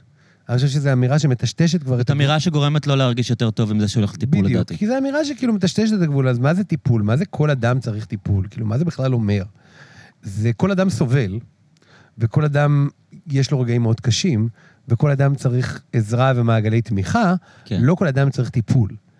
אה, מצד שני, ברור שיש משהו שמוצא חן בעיניי במשפט הזה, כי זה אומר שמטופל הוא ככל האדם. כן. שלא רק אנשים דפוקים לך. עכשיו, אני הייתי 17 שנה בטיפול פסיכולוגי, כמטופל, וחלק גדול מהאנשים שאני מטפל בהם הם בעיניי, לא רק בעיניי אגב, סופר מצליחים, ברור. סופר אטרקטיביים, ולא... ב... והרבה פחות בעייתיים מהמון אנשים שאני מכיר ולא הולכים לטיפול. כן. אז כאילו ברמת הסטיגמה החברתית יש משמעות חמודה בכל אדם יכול להיתרם מטיפול. Mm, ויש הרבה אנשים שלא יודעים שהם כואבים איזה כאב שקט ומודחק, ואם הם ילכו לטיפול, זה כן יפתח להם משהו. כן. שהם לא מתעסקים בו והוא קיים. שהם לא מתעסקים בו. כי תראה, בגדול, basically, אחת הדרכים הכי טובות להיפטר מסבל, זה לצמצם את החוויה שלך. אם אתה מאוד מפחד מאנשים, אם תישאר רוב היום בבית, לא תפחד. זאת אומרת, יש אנשים שלא סובלים באופן אקטיבי, אבל טיפול יכול לפתוח להם ערוצים חדשים של ביטוי, של יצירה, של חיים. הווארד סטרן עכשיו, הוא עושה טיפול, אה, הוא עשה פסיכותרפיה, שהוא אומר שפתרה לו את כל הבעיות שלו בחיים, והוא במסע הווארד סטרן. צלב, הוא במסע צלב לשכנע אנשים שהם צריכים פסיכותרפיה, וכל פעם שמראיינים אותו, הוא- הוא חבר של טראמפ, טראמפ היה מין אה, אורח קבוע בתוכנית שלו, כן. והוא אומר, טראמפ חייב פסיכותרפיה, זה יעשה לו כל כך טוב. כאילו, הוא- אבל כל נושא שמדברים איתו בשנה האחרונה, הוא אומר, פסיכותרפיה תעזור גם לו, הבנים, של, פסיכותרפיה. גם הבנים של דיאנה. של? הבנים שהבנים של דיאנה, הארי וויליאם, אה, הנסיכים נסיכי האנגלים. נסיכי אנגליה. הם מאוד מאוד בעד טיפול. יש להם קמפיין מטורף בעד טיפול פסיכולוגי. הם עכשיו עשו משחק כדורגל, אה, כן. צדקה, ראית את זה? עם שחקני כדורגל שכולם היו בטיפול פסיכולוגי. כדי לעשות בעצם, ל- להוריד את השיימינג מטיפול כן, פסיכולוגי. הגברים הבריטים, וזה להגיד, כאילו שהאנשים הכי מאצ'ואים, כן. הם גם הולכים לטיפול פסיכולוגי, אז. למה שאתה תפחד מזה? בדיוק. אז עכשיו, אז בואו נחלק את זה לשניים. במובן הזה, זה ברור שזה מבורך. אבל להגיד שכל אדם צריך טיפול, גם בן אדם שהערוצים בחיים שלו פתוחים וזה וזה, לך, תראה מה יהיה, לא יודע, לא בטוח. כן. לא חושב. אה, מה שתכננתי לשאול אותך לפני שגלשנו לזה, היה, אה, קראתי את הבלוג שלך, אה, את- את רוב הפוסטים, הספקתי, אין כל כך הרבה, אז כן. זה לא היה כזה קשה לקרוא. דיברת על חלומות, נכון, שזה נושא שמאוד מעניין אותי. זה מאוד אה, מעניין. מעני- הוא- אני אגיד לך למה הוא מעניין אותי, כי לא התעניינתי בו אף פעם, אהה. בכלל לא התעניינתי בפסיכולוגיה. אגב, גם בגלל פיטרסון זה קצת פתח לי התעניינות בפסיכולוגיה. כן, מעניין. והוא דווקא לא מדבר על חלומות יותר מדי. לא. אבל קראתי את, ה... את הביוגרפיה של יונג, את אה, יונג. מחשבות אה, הזיות, לא זוכר איך קוראים לזה. כן. אה. והתחלתי להתעניין בחלומות. ואני בן אדם שלא זוכר חלומות בכלל. כל החיים הייתי חושב שאני לא חולם בכלל. כן, אה, וואו. ואמרו לי, לא יכול להיות שאתה לא חולם, אתה לא זוכר. לא, ברור שאתה והם חולם. צדקו, והם ברור, צדקו. אה, אבל היה איזה קטע שהוא אמר, דיברתי עם מישהי שלא זוכרת את החלומות שלה, והיה לנו שיחה על חלומות, והיה לי ברור שבאותו לילה היא כבר תזכור את החלום, ובאמת למחרת היא באה לסשן והיא זכרה את החלומות שהיו לה. כן. וחייב להגיד לך, שלא חייב, אבל אני אגיד לך, אה, שהיו לי חוויות מאוד מאוד מעניינות אה, כשכן זכר לי את החלומות שלי. ברור. אה, ואתה דיברת בבלוג שלך על זה שכאילו הפסיכולוגיה התפרסמה עם אה, פשר החלומות, זה נקרא? פשר החלומות, פשר החלומות של פרויד, זה היה כאילו מין כן. חיבור, אחד החיבורים החשובים הראשונים. ממש. ובהתחלה, כאילו, זה היה מלא על לפרש חלומות וטיפול דרך חלומות, והיום זה משהו אה, פחות טרנדי בפסיכולוגיה. כן. מעניין. קודם כל, חלומות, כן, זה ללא ספק היה כאילו... הלהיט הפסיכולוגי הגדול בהתחלה. אדיפוס הגיע לשם, הרבה מהמשגות הגיעו לשם, פשר החלומות נחשב, כי אתה יודע, כ... כלידה של הפסיכואנליזה, כי כאילו זה מה שהתחיל את כל העסק פה. אה, עם השנים פסיכולוגים התרחקו מזה קצת. עכשיו, להגיד לך למה? אני לא יודע. יש שתי, לפני שאתה אומר לי למה, שתי אפשרויות, כן, שתי הסברים. אתה- אתה אתה בפלואו? לא רוצה לקטוע לא, אותך. לא, לא. לפני שאתה אומר לי למה, בגלל שאתה בן אדם שיש לו תשובה לכל דבר, ביססנו אותך? ככזה, בדיוק. מה היה ההיסטוריה של החלומות עד פרויד? כי אנשים תמיד חלמו. מה, איך, איך אנשים, כאילו, הם חולמים, מה, חשבו, אנחנו מכירים מיוסף עזוב. ומהתנ"ך, ברור. שחשבו שיש לחלומות כוח נבואי, שאולי יונג לא לגמרי שלל את זה. אני אגיד, אה, אני אגיד לך משהו על זה, אני, כן. אני, אני חושב, פרויד, באחד, בפשר החלומות, אומר שבעיניו חלומות זה אחד התחומים שהמיתולוגיות של העממיות והפולקלור אה, שימר גרעין של אמת שהמדע שכח. מהמם. עד היום, אגב, ההסברים העכשוויים לחלומות, פתח ויקיפדיה, פתח, תגיד חלומות, לא כל כך יודעים מה קורה. אין איזה הסבר... למה אנחנו חולמים בכלל? אין כל כך הסבר לזה. יש כל זה מיני דבר תיאוריות. מדהים, זה פשוט דבר אתה. ישן ויש לך מציאות בזמן שאתה תקשיב, ישן. ההסברים שיש על זה מטורפים. יש הסבר אז אחד... תגיד את התיאוריות הכי... בוא נגיד ככה, אז, יש הסבר אחד שאומר שזה קשור לתחזוקה של המוח, שזה משהו, כאילו, משהו לוואי. שאנחנו כאילו... מאבדים מידע, מסדרים את המידע. מגרה את הגרעינים הוויזואליים שלו כדי לבשל את עצמו, להבשיל את עצמו. יש עכשיו מחקר שם, שזה קשור להתחדשות נוירונים, כאילו שזה איזושהי תופעת לוואי שהמוח מתחזק את עצמו.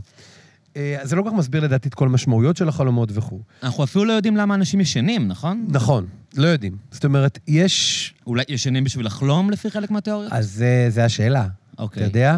כאילו, או בוא נגיד את זה ככה. קודם כל, אנחנו רפואית לא בטוחים למה אנשים ישנים. אין איזה חומר שמתפרק רק בשינה. עכשיו, נכון שיש שלבים שהשינה מפרישה הורמונים, יש כל מיני שלבים לשינה, לא יודע אם אתה רוצה להיכנס לזה. רוצה, ש- תיכנס השל- למה, אם זה מעניין, אני רוצה. השלבים, יש ש- שינה שאין בה כל כך הרבה חלומות, ושם יש איזושהי הרפאיה מאוד עמוקה של השרירים, ויש, אמ, ויש אה, תהליכי התחדשות, שם מופרש ההורמון גדילה וכו'. גם אלה לא הסברים מלאים, אבל נגיד השלבים האלה, יש כל מיני תהליכים שקורים שאתה אומר, אוקיי, הבנתי. אבל השנת חלום עצמה, שנת חלום הסוערת, מה שמכונה R.E.M, שמתי היא קורית? אה, רק- אחת כאילו הלהקות גלים. האהובות עליי, אגב. מה, באמת? אני מעריץ אותם. אה, יש לי ויכוח על זה עם מלא אנשים. נכון. אריאם בעיניי, להקה טובה. אחרי הביטלס עם סמיץ? כאילו. עם סמיץ, ואני גם אוהב את הקינקס מאוד, אבל רגע, רגע, רגע. R.E.M זה אחת הלהקות האהובות עליי אי פעם. ביטלס והסמיץ אני איתך. אבל R.E.M לא מי שלא בליגה. אוהב את R.E.M לא מכיר את R.E.M מספיק, זה התיאוריה אוהב, שלי. אוהב, R.E.M לא- בליגה של הסמיץ. אה. אני חושב שהם אולי אולי יותר טובים. יותר אוקיי. טובים מהסמיץ. לא, הם, טובים כמו הסמיץ. אני הגעתי להם דרך נירוונה, כי מייקל סטייפ היה החבר הכי טוב מי של קורט מי קוביין. שמבין אוהב אותם. כי קורט קוביין העריץ את... אה, נכון, קורט קוביין העריץ את מייקל סטייפ. סליחה. בסדר, דווקא לא, למה סליחה? אז R.E.M. זה rapid eye movement, זה, ה... יש מחזורי חלימה. יש כאילו אנחנו, יש- לנו ארבע שלבים בשינה, שמודדים אותם לפי גלי המוח. גלי המוח משתנים, הפעילות של המוח משתנה, הפעילות של הגוף משתנה בזמן השינה. ואחד השלבים, שקוראים לו R.E.M. rapid eye movement, זה כאילו חלימה ערה, סיפורית כזאת. אוקיי. אתה ממש חולם, זה החלומות הקלאסיים, אתה יודע, כן. חלמתי שאני מגיע לבית ספר, כן. ודודה שלי באה עם דגים ואומרת לי, איפה אגב, אני הצוללת? קוטע אותך, יש לי חלום חוזר, אנחנו כן. נחזור לזה, אנחנו לא נשכח, שיש בגרות ולא התכוננתי. פרויד זה כתב? על זה, מה שכיח זה בטירוף. אחד החלומות הכי שכיחים, כן, נכון? הוא לא עוזב אותי. חלומות שכיחים. בגרות יש במה? בגרות, לא, לא, לא, לא יודע במה. כן, יש מבחן אבל ואני לא פתאום אני מוכן. כאילו, בעניינים שלי, אני מבלה וזה, ואז הם אומרים לי, אני, אני היום, כן, אני, כן, אני כן. בן 38, ברור. אני היום, ופתאום, כאילו, אני נזכר, בואנה, יש בגרות מחר, לא למדתי. בדיוק, אתה עוד בכלל עוד ילד, מה זה? לא... אה, חכה רגע. אוקיי. ג'ורדן פיטרסון. אני אגיד לך בדיוק מה הבעיה שלך. ובגלל זה אתה גם אוהב את האריאם. בוא, אני אסביר לך את כל האישיות שלך אתה בדקה. רוצה לדבר משהו ואני אעשה פיפי? אני חששתי שזה יקרה. אני בדרך כלל לא שותה בירה, בסדר. ויש לי חוק כאן שאני שותה מה שהאורח שלי שותה. אני- וידעתי, אמרתי לו לפני, שאם אנחנו נשתה בירה, אני אצטרך להשתין, אתה ועכשיו רוצה זה שאני קורה. מתי אעשה מונולוג על חלומות? אה, אבל אז אני אפסיד אותו. אה, אילון, אפשר לעצור לשנייה ונמשיך בדיוק כאן? צ'ירס, מן. לחיים. טוב, עשינו צ'ייסר, אה. וחזרתי מהשירותים ואנחנו עושים צ'ייסר אה, בשביל החוויה. יפה מאוד, לחיים. טוב, אז תסביר לי על החלום שלי עם הבגרויות. Mm. כי אמרת שהוא כבר היה קיים אצל פרויד. אה, כן, אנחנו לא מדברים על אה, זה. הוא מדבר על הכל, אבל... סתם, סתם, צחקתי. לא, תראה. אמ, אז רק נסיים את זה בזה שנגיד, של מה, של מה, מה הייתה הגישה. הרפואה לא ידעה למה חולמים, יש כל מיני תיאוריות על זה, ודווקא פרויד התחיל מזה שהחלום, התפקיד שלו זה לשמור על השינה. התיאוריה של פרויד הייתה שבגלל שיש בנו הרבה המון התרגשות והמון כאילו תכנים נפשיים מאוד מאוד סוערים וזה, אז החלום הוא הדרך של, ה, של המוח שלנו לנטרל את כל המתחים האלה כדי לאפשר לגוף להמשיך לישון. הוא היה רופא בעצם, הוא הסתכל על כן. זה בצורה פיזית, כן. פיזיולוגית, כאילו. כן. וההסבר של הפסיכול... חלק מהפסיכולוגים היום, שלא סותר כל כך את ההסבר הרפואי, כי אין כל כך הסבר רפואי, זה שאנחנו ישנים כדי לחלום. זאת אומרת שהשינה היא השומרת של החלום. עכשיו, כן גילו שלחלום יש תפקיד בלמידה. מה זה אומר? אה, אפשר במעבדה לייצר חוויה של שינה בלי חלימה. זאת אומרת, לקחת בן אדם שישן, וכל פעם שהוא מגיע ל-REM, לשנת חלום, להעיר אותו. אז הוא ישן, הוא לא מאוד עייף, אבל הוא לא חלם. אז גילו שהדבר הזה, כשאתה מונע חלימה, אתה נגיד פוגע בלמידה. אתה פוגע ביכולת לתכנן מהלכים מסוימים. יש כל מיני תיאוריות. כלומר, הקוגניציה שלנו קשורה ב- ביכולת לחלום. מטורף. תשמע את המחקר הכי פסיכי שהיה? יש איזה אחד שלימד אנשים חלימה שקופה. אתה יודע מה זה חלימה שקופה? לא. חלום צל... זה חלום שאתה יודע שאתה חולם. אוקיי. כמו באינספשן כזה, כן, כן, כן. ואז אתה נהיה סופר, אתה יכול לדמיין אקדח. וזה. לא היה לי בחיים, אני לא יודע מה זה. גם לי לא. היה לי אחד כן. כזה באיזה כיתה ז', מאוד כיף. אני מתעורר כשאני יודע שאני חולם. רוב האנשים, לא? לא או שאני יודע. מתעורר ואז אני מבין שאני חולם. זה יותר זה. כי כן. דווקא אם אתה יודע שאתה חולם, זה כיף, אתה יכול לעשות הכל כזה. אוקיי. אז אה, אחד מהחוקרים, הוא לימד אנשים חלימה שקופה, זאת אומרת, הוא לימד אותם לדעת שהם חולמים, ואז הוא לימד אותם בעל פה בעיות מתמטיקה ובעיות מילוליות, ואז הוא אמר, כשאתם באים בחלום לאנשים מסוימים, תיתנו להם את הבעיות האלה. תגידו, כך תפתור וואו. זה- אה, ואז בעצם לבדוק מה היכולות מה הקוגניטיביות יכולות שלהם בזמן פתרון שהם חולים. הבעיות של הדמויות בחלום. לא לא הם. כאילו, כן, ברור שזה הם, אתה יודע, אבל זה לא... כן. בחלום, נגיד אתה נכנס, אתה חולם, אתה נכ- נכנס לחדר שיש בו ארבעה אנשים, אתה אומר לעצמך, רגע, אני חולם עכשיו. יש איזו שיטה עם העיניים שאתה יכול להבין שאתה בחלום, ואז אתה לוק... מוציא דף ואומר לארבעת אנשים בחלום שלך, תפתרו לי את החידה תפתרו הזאת?" את החידה הזאת. וגילה שנגיד הפתרונות של הבעיות המילוליות היו טובים יותר מהפתרונות הכמותיים. וואו. כאילו חלימה מערבת חשיבה יצירתית, איזושהי יצירות טקסטואלית וזה. אז כאילו לחלימה יש תפקיד בפני עצמה. אגב, אחד הדברים המעניינים, אם אתה רוצה רוצה. סקופ, כבר אמרנו שזה, אתה יודע, זה כיף לי נורא פה, כי זה כמו שיחת מרפסת. אז אחד הדברים שאני חופר במרפסת לחברים שלי בימים אלה, זה התפקיד הפסיכולוגי של תרופות נגד דיכאון. כן. זאת אומרת, פרוזק, ציפרלקס וכל כן. אלה, אתה יודע, הן מורידות את החרמנות, הן מעלות את התיאבון. אפשר להגיד את זה בשפה הרפואית, אבל איך נגיד את זה בשפה של הנפש? זה הופך אותך ליותר אולי צרכים ראשוניים, אתה יותר רעב, אתה פחות חרמן, מה זה עושה? אחד הדברים שזה עושה, אגב, זה מוריד את שנות הח... שנת החלום. אחד ה... גם אנשים שמעשנים וויד אומרים שהם חולמים פחות, לא? אולי או שהם לא זוכרים. פחות, זוכרים פחות אולי. אבל אחד הממצאים שגילו, זה שמה שפרוזק וציפרלקס עושים, זה מורידים את המינון של שנת חלום. אגב, אנשים בדיכאון חולמים יותר. אם אתה רוצה, קח את ה... את, זה בעיניי שתי עובדות מדעיות שאפשר לכתוב איתם שיר. אתה יודע, רק להגיד אותם. אוקיי. שמצד אחד, אנשים בדיכאון חולמים יותר מהאדם הממוצע, יש להם יותר שנת חלום, ואנשים שלוקחים תרופות כמו ציפרלקס וכאלה, חולמים פחות מהאדם הממוצע. כלומר, יש איזשהו קשר בין סערה נפשית לבין חלומות. מהמם. וחלומות גם עוזרים להתמודד איתה, אבל גם אולי באיזשהו מקום מייצרים אותה. עכשיו, לגבי החלום שלך, תשמע, פרויד כתב על חלומות שכיחים. כן. חלום שאתה רוצח בן משפחה, חלום לי. שאתה... יש לו חלום שאתה עומד מול אנשים ערום. אין לי. אני לא, אני לא יודע אם הוא חלם על קטע של בן אדם... אהוד בנאי כתב את זה. זמנך עבר, אתה נכון, מכיר את השיר כן. ש... אז מה, אה, נכון, וואי, וואי, לא חשבתי על זה. בחלומי חזרתי לבית ספר התיכון. לא הכנתי שיעורים. זה- לא הכנתי שיעורים. אז מה, זה בעצם ההתמודדות הראשונית שלנו עם אחריות אה, של בן אדם מבוגר, שפעם ראשונה אתה באמת חייב לעשות משהו, יש לך אחריות? זה איך שאני אולי- פירשתי אולי לעצמי, אני- שכאילו החוויה, סליחה, שהחוויה שלי, של פעם ראשונה של יש לך אחריות, אתה חייב להצליח את הבגרות, זה לא כזה אתה ילד, אין consequences לשום דבר שאתה עושה. פעם ראשונה בחיים שאתה מבין שיש לך התמודדות חשובה, שאתה צריך להצליח בה, שאתה צריך לתפקד בה, היא הבגרות, ובגלל זה נשאר אצלי כמין אה, ארכיטיפ למשהו כזה של להיות מוכן אליו, לא להיות מוכן אליו. אה, נכון. או אפילו אפשר, אתה יודע, לעשות פה איזה משחק מילים יותר מגניב. של להגיד שהבגרות זה שקוראים באנגלית right, right of passage. אתה מסיים את אה, התיכון, מעניין שקוראים לזה בחינת בגרות. כן, כן, אתה מסיים את התיכון, ואתה עובר לעולם המבוגר. ובחלום שלך, אתה כל הזמן אומר לעצמך, רגע, אני בכלל לא בשל להגיע לעולם המבוגר. א'. אני עוד ילד, ב', אני כאילו כושל במעבר. אולי אני כאילו, צריך ללכת לטיפול. אולי, כן, תבוא. כיף אצלנו. יש טישו.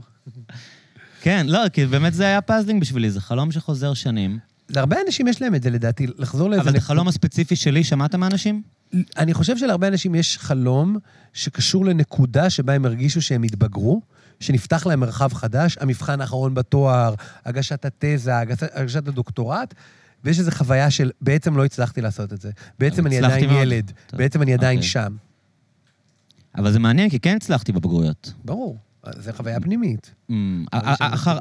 הפחד הזה. הפחד שאני לא מספיק מבוגר, הפחד. שאני לא כשיר לחיים כאדם מבוגר בעולם, כל מיני כאלה. מה מה אתה חושב, אבל אחרי שסקרת אה, קצת את התיאוריות,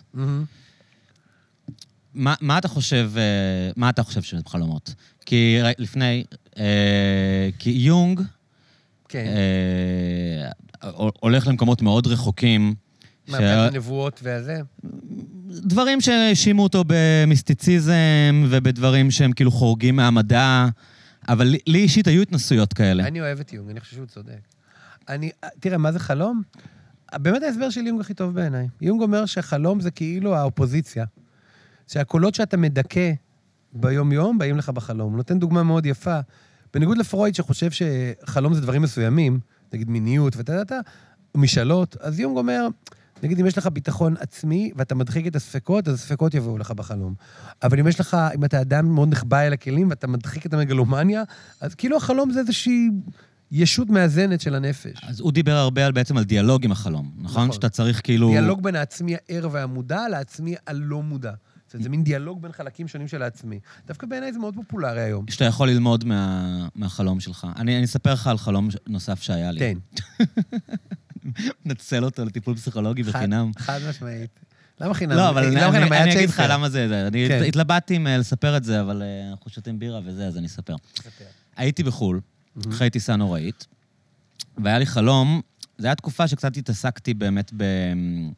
באמת, בחשיבות של כנות, בחשיבות של אה, לשקר.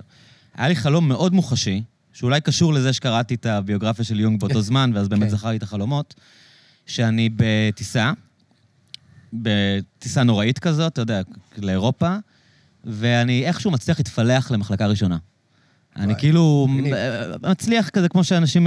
פשוט מצליח לעבור למחלקה הראשונה. והמחלקה הראשונה היא לא מחלקה ראשונה במטוס, היא מין משהו מדהים. כאילו יש שם יערות ופארקים, ותיאטראות, ואולמות מופעים, ואני במין עולם מדהים שלא הכרתי, שהוא המחלקה הראשונה, אבל כל הזמן אני יודע שהתפלחתי לשם. כלומר, אני יודע שאני לא אמור להיות שם, ואני כל הזמן מפחד שיתפסו אותי כן. בתוך המחלקה הראשונה. מה שקרה אחרי זה, זה שקמתי והבנתי לגבי עצמי דברים, אפרופו הדיאלוגיה, שכאילו מה? אני, אני... אמ, החשיבות של להגיע למחלקה ראשונה אה, עם זכות, ולא להתפלח אליה ולעשות את הדברים לא להגיע... דרך אה, תחמנות ורמאות. אני לא, לא אפתח יותר מדי, אבל הבנתי לגבי עצמי דברים, מהמם. של החשיבות של אמת ולעשות את הדברים ב... ואז... ביטלת את התרמית העסקית חכה רגע, שתכננת. חכה רגע. ואז, בגלל זה אמרתי לך שיונג, עם כל המיסטיציזם, עשיתי את הצ'ק אין לטיסה חזרה, כן. ושדרגו אותי? לביזנס. מדהים. כאילו, בזמן שהחלום הזה מלווה אותי, אשכרה שדרגו אותי לביזנס, ממש. אחרי שעברתי עם עצמי את ה... אחרי שעברתי. עם עצמי את התהליך הזה. והוא- עכשיו הוא- מגיע לך. כן, ו- וממש הרגשתי ככה, והוא מדבר על סיפורים כאלה כל הזמן. כלומר, זה הדברים האלה ש... שאנשים התייחסו אליו כמשוגע, שהוא אמר שהדברים האלה קיימים, ולי זה היה פתאום, אתה יודע, זה אין סיכוי שזה המקרה. הוא אומר מעניין. שם כאילו שהוא לא מאמין בכלל בדבר כזה צירוף מקרים. זה, זה המצאה כדי לא להתמודד עם להסביר לעצמנו דברים שקורים.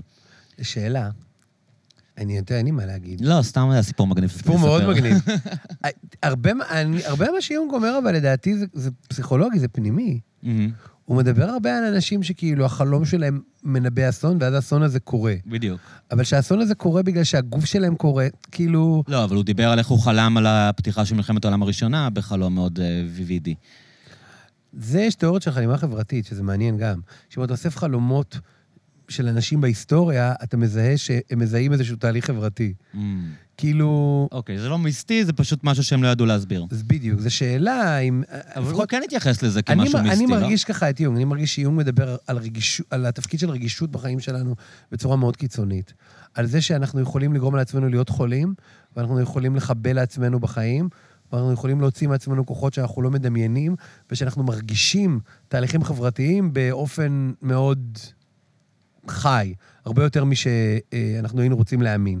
אני לא בטוח שהוא מדבר, אתה יודע, על איזה מין קרן לייזר שיוצאת לך מהראש ו... ומשנה את המחשבים של החברת תעופה. למרות שבסיפור שלך זה ככה, אבל אני לא יודע אם זה כאילו דוגמה אבל יש. לו הרבה סיפורים כאלה, גם אם אתה כאילו... כאלה, כאלה מה, שהכרטיס של הרכבת... שה... היה- מה, מה, מה זה סינכרוניסיטי? למה, למה הוא מתכוון?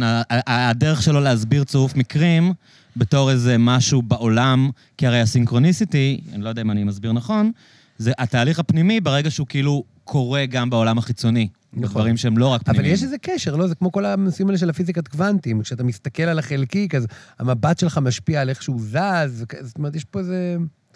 אני לא יודע, אני חייב להגיד לך, אני מרגיש שיונג מצליח לא ליפול לתוך המלכודת של מה שקוראים לו הסוד, אתה יודע. כן. של לברור מחשבה מציאות. מייצרת מציאות. כן, של כאילו... נטע ברזילי, אגב, מאוד אה, חזקה במחשבה מייצרת מציאות הזה. לא יודע, אני מדברת על זה. או כן, כן, אה, אני אגיד סתם. אתה פונה לפאנץ'. אני סתם אגיד דברים על נטע? לא, לא, לא, ברור. אה, פרה עליה. בדיוק באתי להגיד, נכון? זה כאילו נהיה מין... אה, זה. לא, זה באמת נכון. מטבע. אבל אה, כאילו, אז אני מרגיש שהוא מצליח לא ליפול לשם, שהוא נותן כבוד לעולם הפנימי ולהשפעה שלו על החוץ, אבל הוא לא חושב שהפנים מכוון את החוץ. אתה יודע, באיזשהו אופן של כאילו, אז בוא, אתה יודע, חבל שלא חלמת על מיליון דולר, כזה. לא, מסונכרן עם החוץ. בדיוק. עכשיו, הסינכרון, אני חושב שקשה מאוד להתווכח איתו. גם אם אתה מאוד מאוד פרקטי, במרכאות, אבל- ואפור, אתה לא יכול להכחיש את זה שהפנים והחוץ, ההבחנה ביניהם מלכתחילה היא הבחנה די מטושטשת. גוף ונפש, מוח ואיזה חברה ויחיד. זה גבולות מאוד מטושטשים, לכן זה די הגיוני שהיחיד יחוש את החברה. אבל פרויד. התווכח עם זה, נכון? לא. או לא עם זה ספציפית. מה, ה- הוויכוח בין פרויד ליונג, לא יודע. אני לא מרגיש, אתה יודע, זה מצחיק, אני מצד אחד מבין בזה, מצד שני, יש פסיכולוגים היסטוריונים, קראתי על זה כל כך הרבה... מהמם. לפעמים אתה קורא על משהו יותר מדי, ואז אתה מרגיש שאתה כן. לא מבין עליו כלום, אתה מבין? מפחיד אותי להגיד כל מיני לא, דברים. אל תגיד, זה גם לא בטוח. היה ביניהם איזה משהו. אישי, זה, זה, כן. זה לא. לא רכילות כזאת. כן, כן, ברור. זה, אבל לשם האנשים נופלים תמיד. תגיד, מה זה לרחל? למה אנשים אומרים ש... אגב, נראה לי ש... אולי קראתי את זה אצל הררי? מה? שכאילו, כשאנשים התחילו לדבר, הדבר הראשון שהם עשו זה לרחל. אני, מה זה, אתה יודע, אני רחל, כן, מה זה פסיכולוג? פסיכולוג זה גם סוג של רכלן, לא? כאילו, הוא אומר, וואי, אני מה זה אוהב לרחל, אולי ייתנו לי איזה כסף, כאילו. אם אני מבטיח לא לספר אתה לאף אחד, מתעניין בחיים. הפרטיים של מאוד אנשים. מתעניין. אני, גם מתעניין בחיים הפרטיים של האנשים, גם חושב שחיים פרטיים זה דבר חשוב. רוצה לחזור לפוליטיקה שנייה? כן? למה איילת שקד לא בליכוד? אתה מבין? זה רכילות? מצד אחד תגיד זה רכילות. אבל זו רכילות שיש לה השפעה אמיתית על החיים של אנשים. מה, זה רכילות מטורפת, זה, אי אפשר לדעת מה היה שם, זה משהו אישי, רבה עם האישה... אבל זה דבר שיש לו השפעה מהותית על, אתה יודע, תהליכים מאוד מאוד רציניים. אה. אז לא יודע מה זה רכילות. אני רוצה, אה, ל- העלית את איילת שקד. כן, אה, משהו שלא מדברים עליו. כן. איילת שקד, אף אחד לא מדבר על זה שהיא כוסית. ו- וזה לא רק. היא. לא, שנייה, שנייה, אני אגיד לך למה אני. מתכוון. אני אגיד לך למה אני מתכוון. אוקיי. עזוב, איילת שקד זה מקרה קל, אוקיי? מירי רגב. מירי רגב, כן. סליחה שאני מעצבן הרבה אנשים, וזו אולי לא שיחה. מיזוגנית. היא אישה סקסית. כאילו, צריך להגיד, בטח לאנשים מבוגרים. אני זוכר אותה ב... כשהיא הייתה דוברת צה"ל, כאילו, אתה יודע, לפני עשר שנים. אילון עושה הולך? לא, לא עם הראש. ברור שלא. בעיניי כן. גם בעיניי לא. דיינו. עזוב את איילת שקד, תחשוב על איזה דוגמה שאתה רוצה. נו.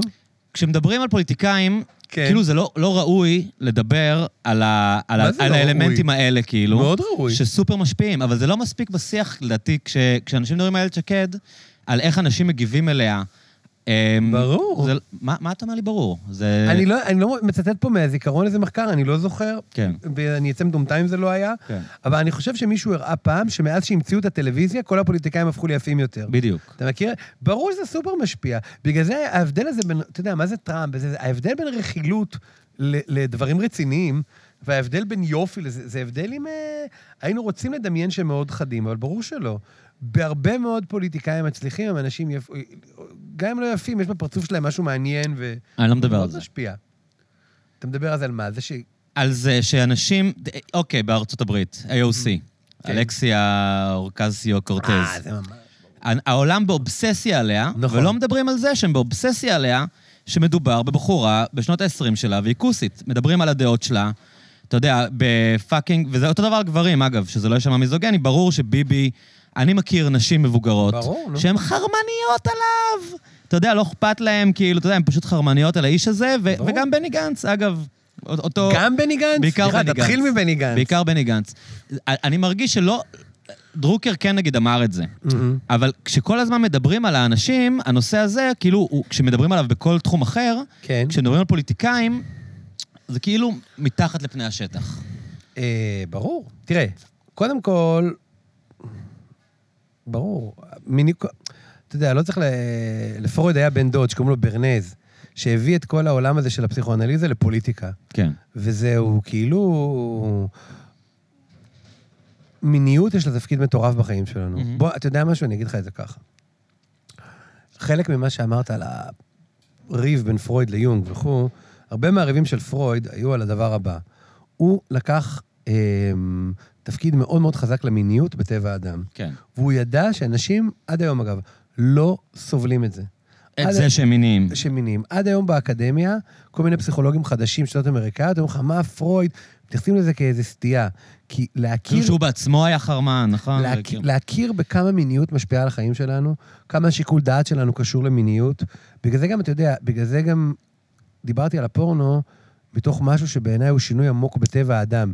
זה לא איזה, מיניות זה לא איזה פינה קטנה בחיים שלנו, זה לא איזה חצר קטנה. כן. זה באמת מין משהו שגדל בתוכנו. והוא מכתיב המון המון המון מההחלטות שלנו, מההרגשות שלנו, מהיחס שלנו לגוף שלנו וכו'. עכשיו, האם יש מיניות בפוליטיקה? ברור. קל. כן, יש מיניות בכל מקום. האם זה מפחיד שיש מיניות בפוליטיקה? גם ברור. כי דחפים מיניים גורמים לנו לעשות הרבה מאוד שטויות, והיינו מקווים שלא לא לנהל את החיים הפוליטיים שלנו ככה. בדיוק מה שאמרת על טראמפ, אגב. כל המסוכיזם הזה, יש פוליטיקאים שאתה מסתכל עליהם ואתה אומר, אני לא סובל אותם, אבל אני לא יכול להוריד מהם את העיניים. הם מרתקים אותי, הם מושכים אותי, הם מקסימים. לטראמפ יש אנרגיה מינית לדעתך? ברור. ברור. יש, גם לביבי. כן, לא. גם ברור למירי. שלביבי, יש כן. פה הרבה, יש המון אירוטיקה, זה כאילו קצת לא נעים לדבר על זה. לא, זה- על זה אני מדבר, ש- כן, שלא נעים לדבר על זה. מי שמדבר על. זה ישר נתפס גם כאיזה סוטה. כן. כי כאילו, מה אתה מחצין את זה? אבל זה ברור שיש המון אירוטיקה בפוליטיקה, יש המון אירוטיקה בכל דבר. וזה ש... זה שהעיסוק, אגב, גם העיסוק במירי רגב, שאני לא כך אוהב אותה, אבל ברור שהוא מאוד מיזוגני, אגב. אבל אני חושב שאנשים שיש ברור. לה אנרגיה מינית. שמחרפנת. אנשים, אז למה הזדעזעתם ככה כשאמרתי את זה? לא הזדעזענו ככה, אני לא הזדעזעתי. כן. לא, כי את תיארת אותה כאישה מאוד מאוד מושכת. לא, לא אמרתי מושכת, אמרתי שיש בה. משהו סקסי. כן. שיש בה משהו מאוד מיני, אני- אני מרגיש. גם בגברים. חשוב לי אני אני שלא נהיה אמרתי שוביניסטים. ישר, אמרתי ישר... אל תסבך אותנו אמר- עכשיו. גם ככה לכלכנו על הפוליטיקה רק אני בהתחלה, באמת עכשיו נצא חושב, שניך. ש... אני באמת חושב שביבי הוא הדוגמה הכי קיצונית לזה, אני בטוח. אני מכיר שכנה שלי, אימהות של בחורות שאני מכיר, בעיקר נשים מבוגרות אגב, הן, סליחה על הזה, חרמניות עליו ברמות סליחה, אחרות. אדוני, למה אתה מדבר רק על נשים? אתה רוצה כבר אני לפתוח את דיברתי כל על דברים האירוטיקה? ואמרת שאני שוביניסט. לא, שרק רק נשים חרמניות, גם גברים חרמנים על ביבי. אוקיי. יש המון המון. חרמנות, לא חייבים להיות הומוסקסואלים, יש המון חרמנות שקשורה להזדהות, של להגיד, יש, בוא נגיד ככה, להגיד אני רוצה להיות כמו מישהו, Mm. לבין להגיד אני נמשך כל על מישהו. כל הנשים רוצות אותו זה וכל הגברים רוצים להיות זה כמוהו. קו דק מאוד. זה לא... כלומר, גם גברים לא מזהים את האנרגיה המינית שלו? חד משמעית. גם גברים סטרייטים נמשכים מינית, או לפחות יש איזשהו כישוף- אירוטי שפוליטיקאים מפעילים עליהם. חד משמעית. אז ברור שביבי הוא חלק מזה. מה, יש שאלה שהוא ציפר אמר את זה על שרה, אגב, אתה יודע. ככה הוא התחיל. לא, נכון, ציפר שאישה אמר על- מדהימה, מושכת. שזה אירוטי. שהשנאה אליה קשורה לאירוטיקה. זה נכון. אני חושב שהיא אחת הנשים הכי פחות מושכות, אני אחרי שאמרתי על מירי שהיא כן. אבל גם... אבל, אבל, אבל אבל גם הוא לשנוא- אמר עליה שהשנאה אליה מאוד קשורה לרגש אירוטי. נכון. גם... אתה, אגב, אתה מסכים עם זה? ברור. לשנוא, גם לשנוא אישה בלהט, זה חוויה... בגלל זה אני חייב להגיד לך שלא נעים לי עם ה... לא נעים לי עם השנאה לשרה, זה מוזר קצת להגיד, אבל כאילו קשה לי קצת עם זה. אני מרגיש שזה... לא יודע. לא, לי ברור. ממש לא נעים עם ברור, זה. אני ברור חושב, שיש במיוחד, שם- אגב, במיוחד אנשים שאומרים. עליה שהיא משוגעת, אז על אחת כמה וכמה סתמו את הפה. כאילו, אם אתם באמת חושבים שהיא אישה עם בעיות, אז... לא יודע, יש שם איזו התענגות, זה ברור, שגם באהבה וגם בשנאה יש אירוטיקה. משיכה, גם, אתה יודע, משיכה זה חוויה מינית וגם דחייה זה חוויה מינית. אז לבוא עכשיו, גם מירי רגב, גם כל הדמויות האלה, ברור שהדמויות של הפוליטיקאים הגדולים, אז הם מעוררים בנו הרבה מאוד אה, דברים מיניים, חד משמעית, לטוב ולרע. משיכה ודחייה וכו'. אגב, אחד הדברים שכשפוליטיקאי נכשל לעורר דברים מיניים, אז אומרים הוא חסר כריזמה. הוא לא מעניין. שזה בעצם אירוטיקה? מה שקוראים כריזמה זה מין אה, מילה מעודנת, מורכב אה, להגיד, מ- אבל אני מכובסת. בטוח ל- שיש קשר בין שני המושגים האלה. אתה יודע, בטוח. בטוח. כאילו, הלמלמים האלה, כאילו, אנשים לא מעניינים. בגלל זה לבוז'י. לא היה סיכוי? בדיוק, חד משמעית. אין לו... אין לו מוג'ו, כן. כמו שאמרו באוסטין פאוורס. לבוז'י לא הוא היה מאוד מוג'ו. לא מיני, הוא אדם מאוד לא מיני. מאוד מאוד לא מיני. מאוד מאוד לא מיני. בדיוק. וזה חלק מהעניין. פוליטיקאי שאין לו איזה... אתה יודע, prowess קוראים לזה באנגלית. איך? אני לא מכיר את המילה. נו, כאילו, כוחות מיניים, כאילו, מין כריזמה מינית כזאתי, אני לא חושב שהוא יכול להיבחר. לא היום. ואובמה היה יותר מכולם, כאילו, אבל גם הוא חתיך בכלל, על, כאילו, גם קלינטון. פנטזיה. כן, גם קלינטון. כולם. כן. מי לא? אילון, תגיד... אה, גם אה, אריק שרון. עמוס מדבר מספיק קרוב למיקרופון? זה נשמע סבבה? טוב, אוקיי. כן? אה, כן, לחצת. כן. אני, הרבה פעמים, כאילו, כשאני מתרחק ומתקרב, אני משחק עם המיקרופון, אה, אבל... שאני אה, אעשה ככה? רק תשים לב שאתה לא מתרחק ממנו יותר מדי. אין בעיה. בזמן שאתה... זה, ואל תהיה גם. קרוב מדי. הבנתי. זה שני הטיפים היחידים. זה עמוק, אתה רואה? כן, הנה, אתה לא צריך ללכת לטיפול. כן. זה כל התורה. זה כל התורה. אל תהיה קרוב לא אליו מדי, לא אל תהיה קרוב. אליו מדי, אבל גם אל תתרחק. בדיוק. לעולם באופן כללי. על מה חשבת שנדבר כשבאת לכאן? אין לי מושג, לא היה לי מושג. הקשבת? פחדת- כן. פחדתי שאני אפטפט מלא, ובאמת זה מה אבל שעשיתי. אני מביא אנשים שיפטפטו מלא, זה המטרה. כן, כאילו, אמרתי, אחר כך אני לא...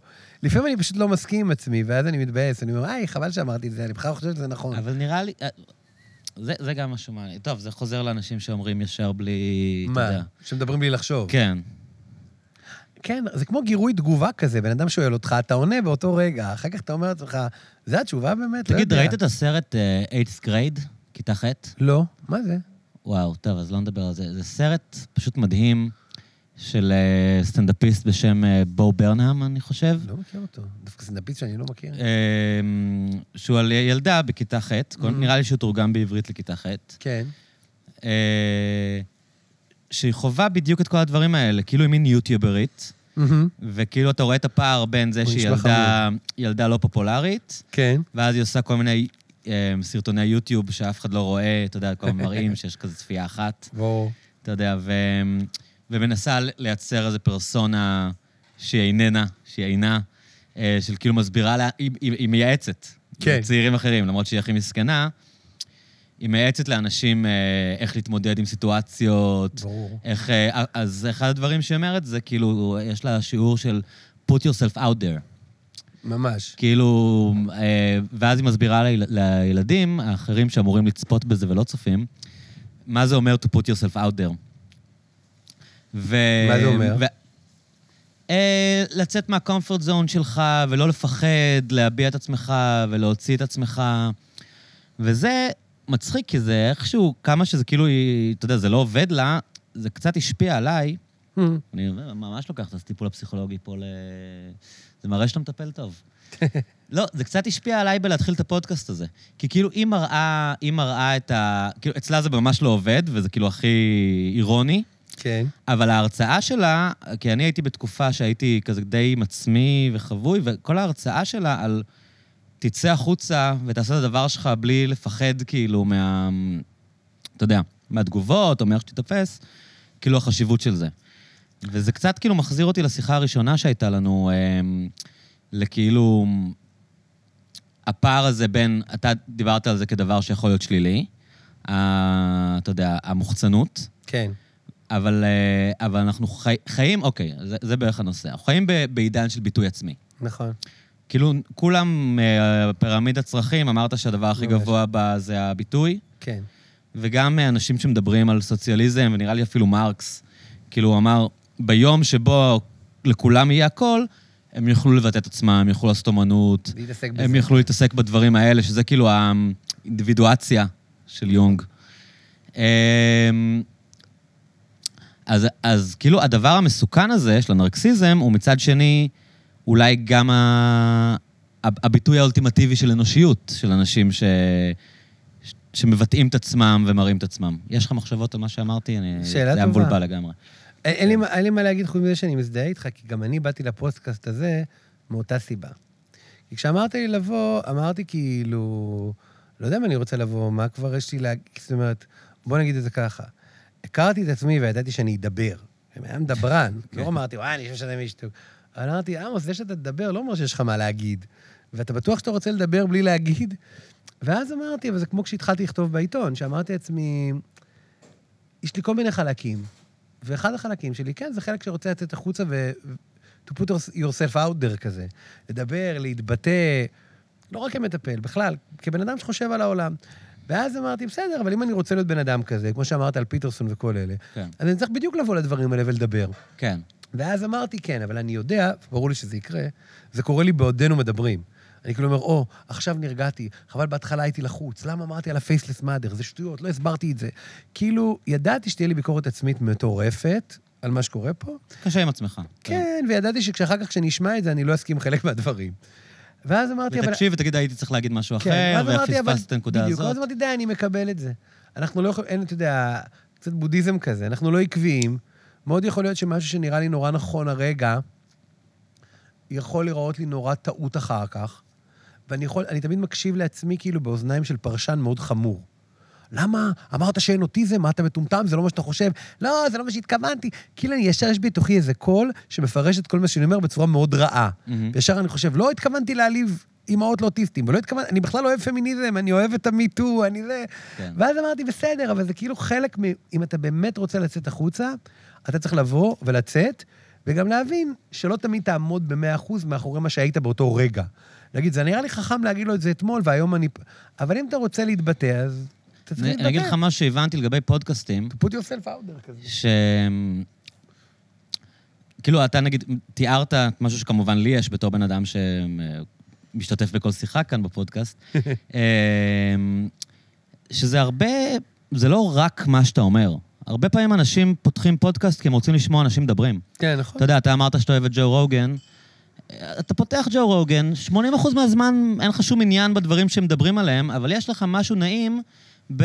יש אנשים ברקע, הם מדברים על דברים נכון. שמעניינים אותם. באווירה. הם כאילו מוסיפים לך איזה חום בבית.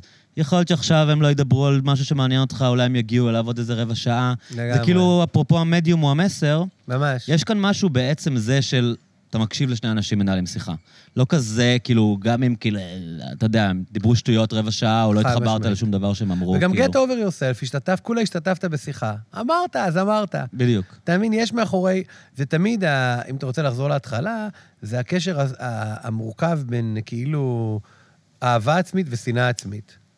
התחושה הזאת של, אוי, אמרתי שטויות, קרה אסון, ואתה אומר לו, כן, אבל חלק נכון, גדול בדיוק. מהביקורת הזאת קשורה למ- למה מי אתה בכלל. אז אמרת בהתחלה של איזה פודקאסט איזה משהו, ועכשיו אתה לא מסכים איתו. נו. אבל לא, אבל זה, זה העניין. אני קורא עכשיו, אה, אתה יודע מי זה סולובייצ'יק? סולובייצ'יק הוא, הוא היה מהמנהיגים היהודים הגדולים של אחרי מלחמת העולם השנייה. מהמם, נחשב אחד הרב, הרבנים הכי חשובים, The, the Rav, הם קוראים לו באמריקה. מהמם. שהוא היה איש באמת מדהים, אה, עם הכשרה פילוסופית גם, אקזיסטנציאליסט, ב... מאוד מושפע מאקזיסטנציאליזם ומקירקגורד. ו... והוא, אה, נתקלתי בו בקורס שעשיתי עם ויינרוט בא- באוניברסיטה, עם, אה, עם דוקטור ויינרוט ז"ל. והוא- עורך דין. כן, עורך דין. ביבי. כן, כן. ומאז שהוא מת ביבי די אבוד. ממש. אה, לדעתי הוא היה קצת מותאב בשבילו גם, נורא, מורגש כזה. אז uh, הוא מדבר, אפרופו אהבה שנאה, הוא מדבר על זה שיש לאנשים כאילו תמיד שתי איש, אישויות.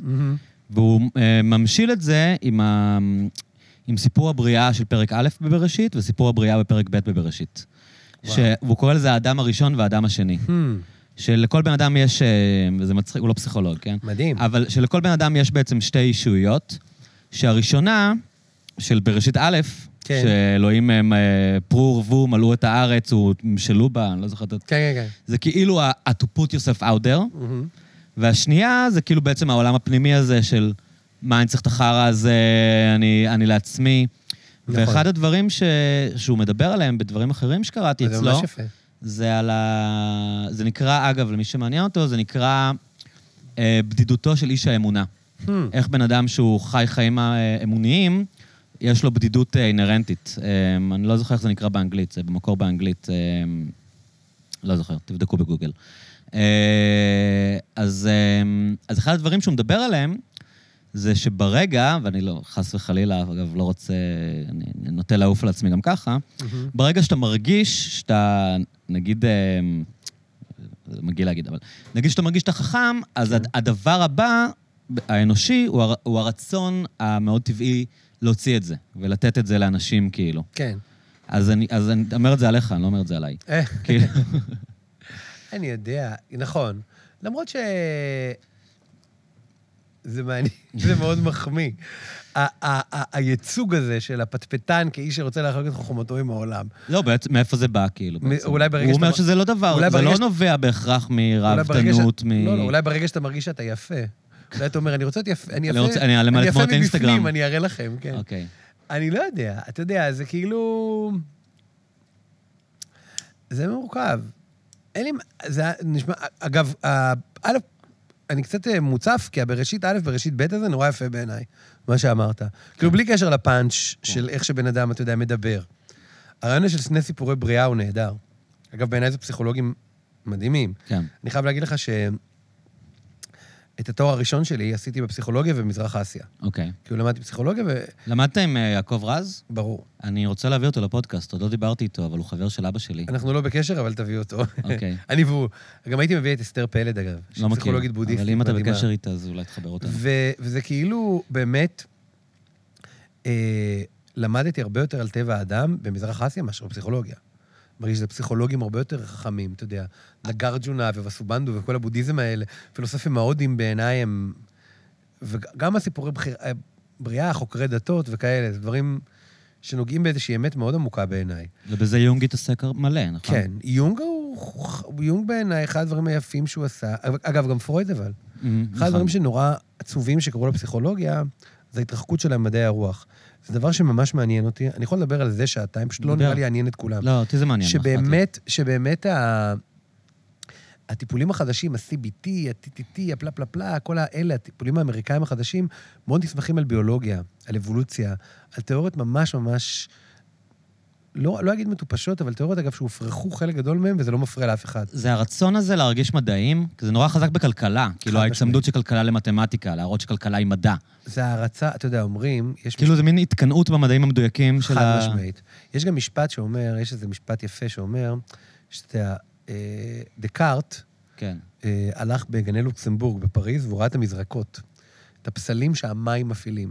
ואז הוא הביא את התיאוריה שלו של גוף ונפש. כאילו, יש בינינו גוף ואנרגיה רוחנית שזורמת בתוכנו, כמו שהמים במזרקה. ואז פרויד ראה את מנוע הקיטור, ושזה מערכת של איזונים ובלמים ולחצים, ואז הוא אמר שאנחנו בעצם פה מנוע הקיטור, יש לנו לחצים ובלמים ו... אמ, בתוכנו. ועכשיו, הפסיכולוגים החדשים אומרים שהאדם הוא כמו מחשב. הוא אלגוריתם שמאבד מידע. וכו'. כאילו, הרעיון פה הוא שהבן אדם... איך הטכנולוגיה והעולם החיצוני משפיע על התפיסה של התודעה? אנחנו תמיד משווים את עצמנו למכונה הכי מתקדמת שיצרנו. וואו. אנחנו תמיד אומרים, אנחנו זו תיאוריה שלך או זה. של מישהו? לא, לא, זה משהו מוכר. אוקיי. אנחנו זה. אנחנו תמיד משווים את עצמנו לדבר האחרון שהצלחנו ליצור, ואומרים, דרך זה שיצרנו אותו, הבנו גם את עצמנו. אבל אנחנו תמיד יותר מזה. עכשיו, גם פרויד, אתה קורא אותו, 9,000 ציטוטים מתרבויות, מגתה, מכל זה וזה.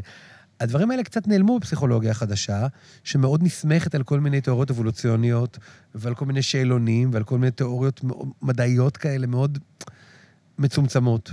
שגם, אגב, ב-2016, שהוכיחו שרוב המחקרים הפסיכולוגיים שנעשו במעבדה לא נכונים, זה איכשהו לא האט את השיח הזה, את השיח הפסיכולוגי המדעי.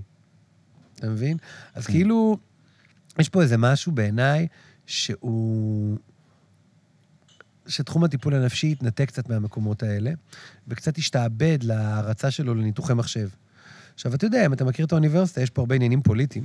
מהמם. כי קל יותר לפרסם מאמרים כאלה, וקל יותר לקבל מינויים כי כאלה. האנשים שמחליטים מה יתפרסם מחפשים את המאמרים האלה? כן, וגם האימפקט פקטור, היוקרה של המאמרים האלה יותר חשובה. וככה... כי היא נחשבת יותר מדעית. בדיוק. ואז יש איזה שינוי של השיח לכיוון הזה, ויש המון המון התנתקות. איפה שבעיניי היה פעם חיבור מאוד חזק בין פסיכולוגיה לבין שאר ההגות שעסקה בנפש, שלא נפלה תחת הכותר הפסיכולוגיה, של דתות ופילוסופים וכאלה. כל האנשים שתיארת עכשיו, זה תיאוריה פסיכולוגית. אז אה, כל מה שאמרת על ה- על החיבור של הפסיכולוגיה למדעי הרוח, כן.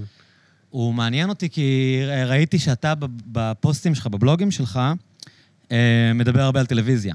נכון. כלומר, יש לך איזה עניין של טלוויזיה, שזה אולי, ה, אתה יודע, כמו שהם אה, דיברו על אה, ספרות ופילוסופיות ממש. וזה, אז, אז ה, ה, הספרות האמיתית, או, או המיתולוגיות האמיתיות שקורות היום, הן בעצם בטלוויזיה, חד משמעית. ואתה מתעסק בזה בבלוגים שלך, או בכלל בחשיבה קודם שלך. כל, זה ממש נכון שהמיתולוגיות... אתה יודע, יש דור של אנשים שיודע פרקים של פרנדס בעל פה.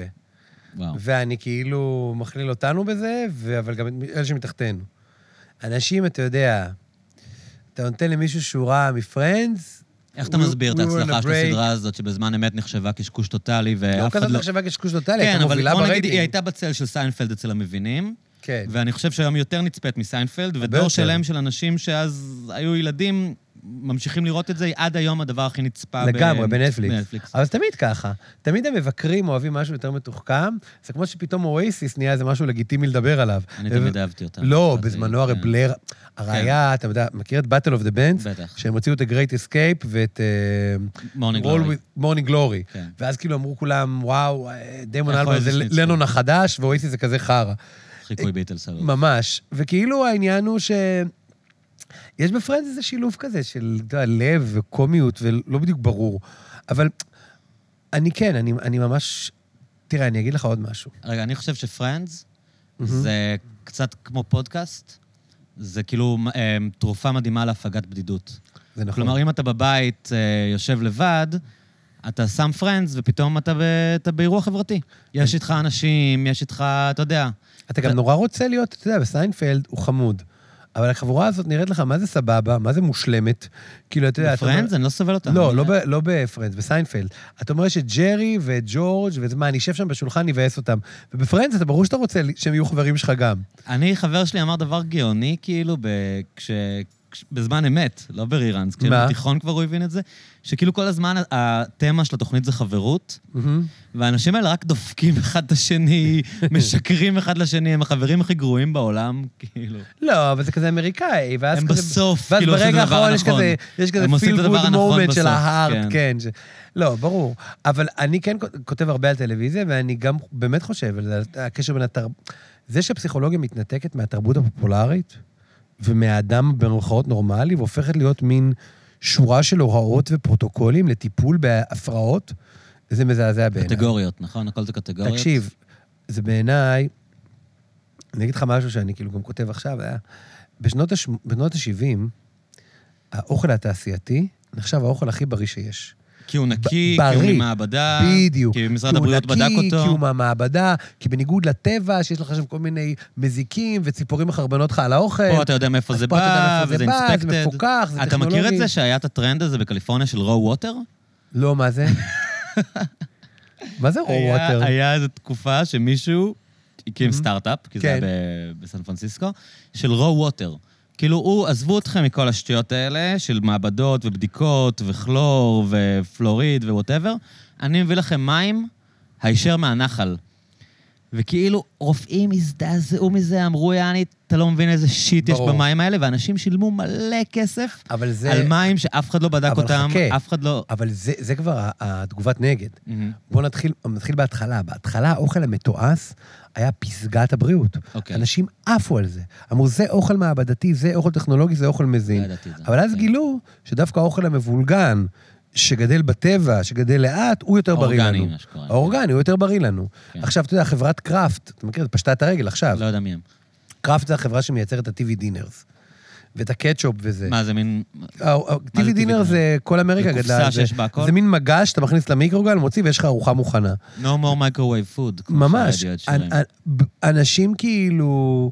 עכשיו, בעיניי הטיפול הפסיכולוגי החדש, הוא בהרבה מובנים, הוא כזה. הוא כאילו מציג את עצמו, כי הוא אומר, תקשיבו, הטיפול הפסיכולוגי הרגיל הוא נורא מבולגן. אתה נכנס, הבן אדם חבר שלך, הוא, הוא, הוא ידיד, הוא ידיד שלך, מה קורה שם, יש יחסי. מטפל, זה... בוא, יש פה משהו מדעי שנבדק במעבדה, שנבדק במחקר, שיכול כאילו לטפל בזה כירורגית בבעיות, להגיד שכאילו יש מידע, המטופל לא יודע משהו, זאת הבעיה שלו. והמטפל מעביר לו את המידע דרך האינטרנט, דרך זה, זה כאילו תרפיה של, אה, של ערוצי מידע. ובעיניי זה מזעזע. וברור שבעיניי המקום הטבעי של הפסיכולוגיה הוא הרבה יותר קרוב לפילוסופיה ולדת וגם לטלוויזיה, לצורך העניין. אז בוא נדבר על טלוויזיה רגע. אתה יודע, אתה, אתה כתבת... אה, לא, לא? עם, עם, עם כל כך הרבה אנשים, בוא נגיד ככה, אני לא יודע שיש לי תשובה אינטליגנטית, אבל אני בטוח שהשאלה אינטליגנטית. אוקיי. תן להחמיא לך. כאילו, מה יש בפרנדס, שזה הדבר הכי נצפה בנטפליקס, שהוא במובנים מסוימים לא רלוונטי בשום צורה? מין מוצר יודע, נחות לעומת מה שעושים עזוב, היום. אין להם אייפונים. מילא שזה אה, מוצר... למה מתחברים לזה? לא, ב- למה- מילא- למה- למה. מילניאלס מתחברים בדיוק, לפרנדס? מילא שזה מוצר נחות ביחס ל, אתה יודע, הפקות עם שחקני קולנוע וזה וזה וזה, אבל זה גם כאילו, מה, באיזה עולם זה בכלל? אתה יודע, זה בעולם אחר, אז כנראה שהם נגעו שם, they tap into משהו שהוא מאוד רלוונטי גם היום. זה בכלל אה, דבר אה, מאוד מאוד אה, מעניין, החוסר יכולת שלך בזמן אמת לדעת מה יעמוד במבחן הזמן.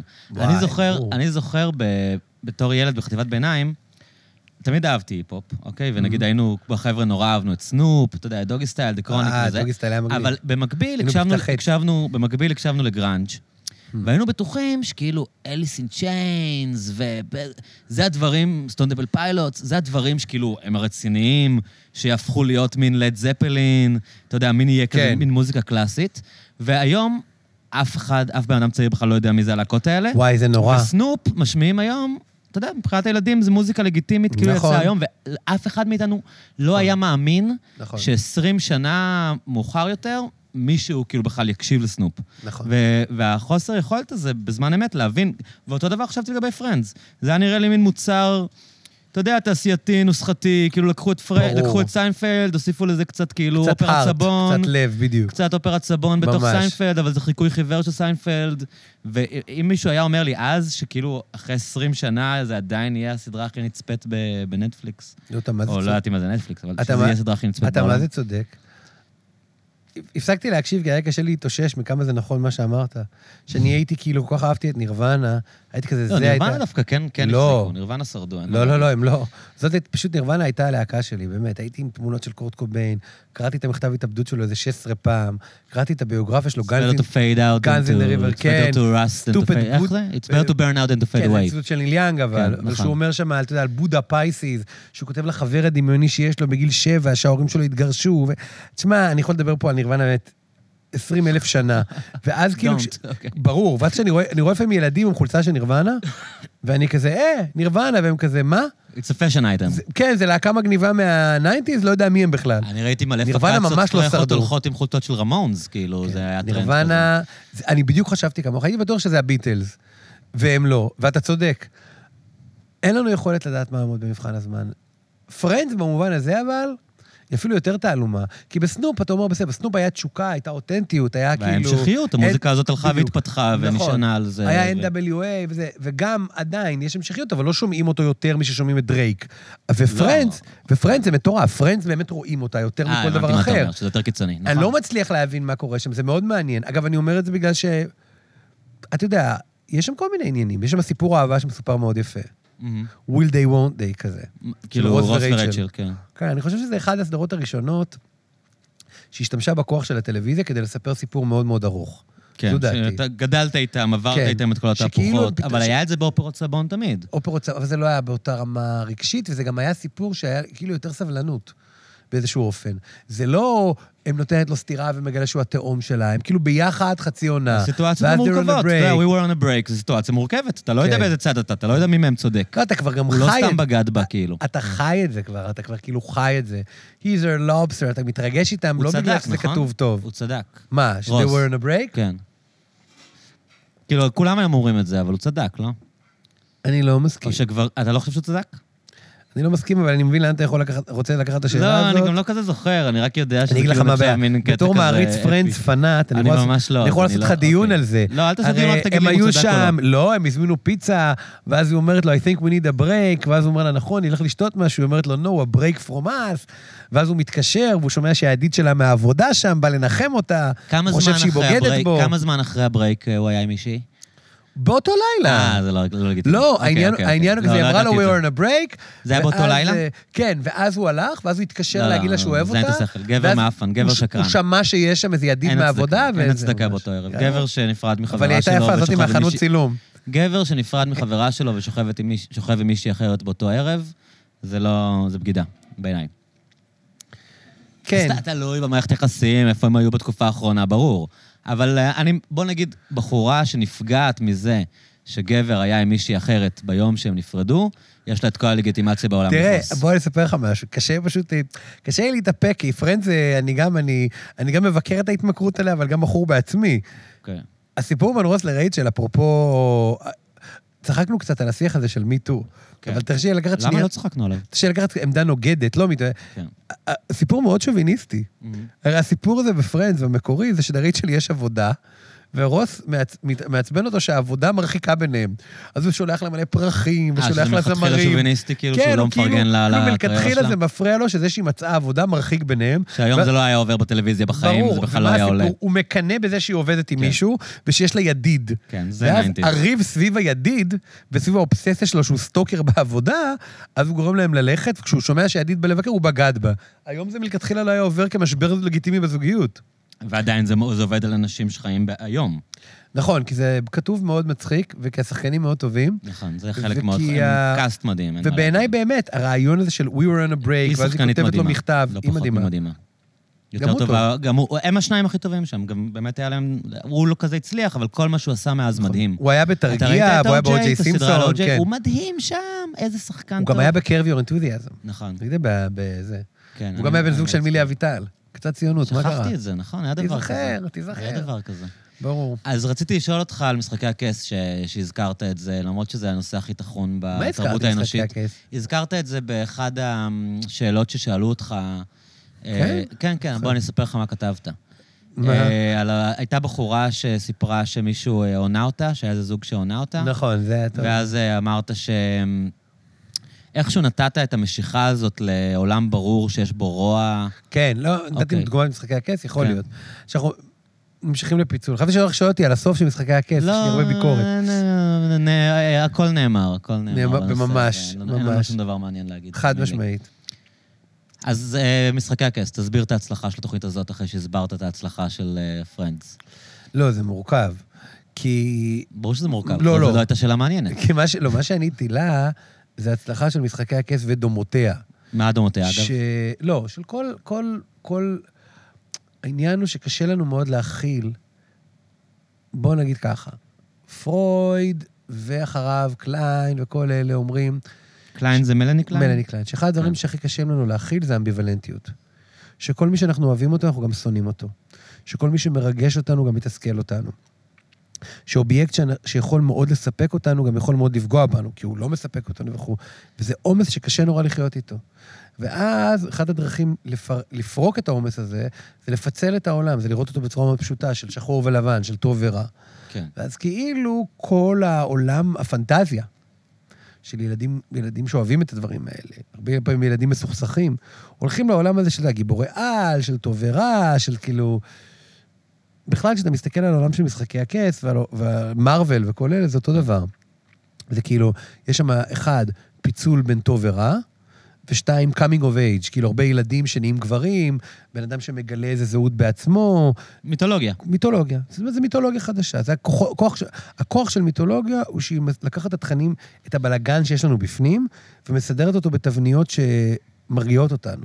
אולי זה גם פסיכולוגיה, אגב, אתה יודע. כן. היכולת לקחת איזה, איזה חוויה פנימית נורא מבולגנת ולספר לספר אותה דרך סיפור פשוט שגוזר להרגיע אותך. ספציפית, משחקי הכס ספציפי, הרי זה תמיד, עכשיו, זה תמיד טריק. כי, כי משחקי הכס ספציפית, יש בה גם יותר מזה, ולכן היא הצליחה לייצר איזושהי נהייה אותך יותר. רחבה. משחקי הכס, בעיניי, היא, היא, היא כמעט סדרה אנטי-מיתולוגית. למה? כי כל הדברים שנגיד אה, אה, ג'וזף בייקר, ג'וזף קמבל, כאילו כל העניין הזה של ה-journey of the hero והמיתולוגיות... למה, ג'ון סנואו? בדיוק, אבל הוא בסוף לא ה hero. הוא בסוף גם לא הורג את ה Night King, הוא גם לא המלך. כאילו, הם בעצם חתרו נגד המבנים המיתולוגיים הקלאסיים. אתה לא, אתה לא מסכים איתי, אני רואה. אני לא בטוח, לא. אה, אתה יודע. כאילו, הרגשתי שדווקא היא סדרה מאוד um, ריאליסטית, היא מאוד כזה, קצת, עושה- אה, קצת בית הקלפים כזה. עושה, זה מה שהוא ניסה לעשות. הוא עושה וריאציה. הוא עושה וריאציה על הטוב ורע, הוא מכניס פנימה פוליטיקה. כן. במובן הזה זה מאוד איני, כי הוא חוזר... מאבקי כוח, נכון? מלא סדרות היום על מאבקי כוח. מהסופרנו זה עד. משחקי הכס ובית הקלפים. מרגיש שהנושא שהכי מעניין אנשים זה מאבקי כוח. זה כאילו גם נורא איני. The Wire, Breaking ממש, Bad. כמעט כל סדרה שממש הצליחה מתעסקת במאבקי כוח. אבל השאלה היא, אתה יודע, זה בעיניי מה שקוראים לו... האופן שבו רעיונות מחלחלים מהאקדמיה לתרבות הפופולרית בעיכוב של כמה שנים. אוקיי. הרי באקדמיה היה מאוד, סוציולוגיה בעיקר, היה מאוד מאוד קטע הזה של להראות מבנה כוח סמויים. פוקו? של להגיד, פוקו, אבל לא רק, שכאילו לבוא ולהגיד, אה, אתה יודע, האיש הזה שלחם בשחיתות, הוא למעשה לא עשה את זה רק כי הוא לחם בשחיתות, אלא גם כי היה לו מאבק של כוח על אזורי השפעה וכו'. ואז הדבר הזה עכשיו מאוד מאוד אופנתי, לקחת מין מיתולוגיה של לכאורה טובים ולכאורה רעים, ולחשוף שמתחת הטובים לטובים והרעים, וה- יש בעצם איזשהו קרב על כוח. דנריס, נגיד. נכון. אז אבל מה- אבל שם אה, הוא What your נפל. take on it, כאילו, אפרופו מיתולוגיה. דנריס הייתה אמורה להיות גיבור, והוא הראה לך שהיא... לא, דנרי, תקשיב, משחקי הכס, בוא נגיד ככה, אני אוהב אותה, אבל היא לא כזאת מקורית, היא דווקא מיתולוגיה די קלאסית בעיניי. למשל, דנריס זה, זה מבנה מיתולוגי די קלאסי של אתה לא יכול לברוח מהדם שלך. Mm. היא הבת של ה Mad King, היא אה, הבת יווני בסוף... כזה, לא? אווירה כן, יוונית. יוונית. בסוף אתה נהיה ההורים שלך כזה. היא הבת של ה Mad King, והיא בהתחלה הייתה אה, אה, קורבן, אבל בסוף היא נהיית כמו אבא שלה ושורפת את כולם. כאילו, כי זה מי שאתה. זה מאוד, המשחקים, המיתולוגיות הן מאוד סביב מהות פנימית. כאילו, אם יש לך דם של מלך, גם אם נולדת בכפר מלא חזירים, ג'ון כן, הדם הזה בסוף ירומם אותך. אני לא חושב שהוא עושה מהלכים שחורגים מאוד מהמיתולוגיה הקלאסית. הדברים היפים אצלו זה הקרבות בחצר, שזה בעיניי המדהים. מה זה אומר קרבות הקרבות בחצר? הפוליטיים, מה שאתה תיארת. אה, אוקיי. ש- הבית הקלפים כן, בעולם דווקא מיתולוגי. הבית הקלפים זה- הוא ממש מגניב, הבית הקלפים הזה. אבל אה, הוא לא שימר את זה לאורך זמן, בסוף הוא דווקא כן היה כזה, אתה יודע. אז אתה לא חושב שזאת סדרה אנטי-מיתולוגית. אתה חושב שבסוף זה כן מיתולוגיה קלאסית, כאילו... גם וגם, כן. כן, כן. basically, ברור. ברור שכן. מה העניינים? התחילו להגיע לקוחות. שירו, את רוצה שאנחנו נמשיך את הפודקאסט, או שאנחנו צריכים לתת לכם, לשים לכם מוזיקה ו... זהו, רוצים לבלות, מה זה באמת? כן. לא, פשוט אה, אני אני אספר למאזינים, אנחנו היום אה, התחלנו מאוחר, מה לעשות? אה, כי אילון שכח שאנחנו מקליטים, אבל בסוף זה בכלל לא היה באשמתו, כי עמוס לא מצא חנייה. אז יצא שהתחלנו בשמונה, ועכשיו כבר עשר וחמישה בערב, יאללה. והבר בעצם פתוח, אז אולי אנחנו נסיים כאן בעצם. נכון. שהשיחה כיפית, אבל... אה, היה כיף, אבל בוא ניתן לאנשים לשתות. כן. יש לך משהו שאתה רוצה מוזיקה. להגיד לפני שאנחנו מסיימים? איזה מסר, איזה משהו. שיקחו הביתה? מסר לעם ישראל. לא. לא, זו התשובה לא. הכי נכונה לשאלה שלי. לא, אפשר להמשיך לראות פורנו. נתתי לכם רק חומר למחשבה, אני לא רוצה שעכשיו זה יהיה מת- איזה מסר מתחסד כזה וזה. עמוס, היה לי ממש טוב. כיף להכיר גם אותך. לי היה ממש כיף. הייתה שיחה מעולה, ואני תודה נראה לי. שאני אזמין אותך עוד פעם מתישהו. יהיה כיף. ביי. תודה, אחינו. תודה ביי. שהקשבתם. ביי ביי.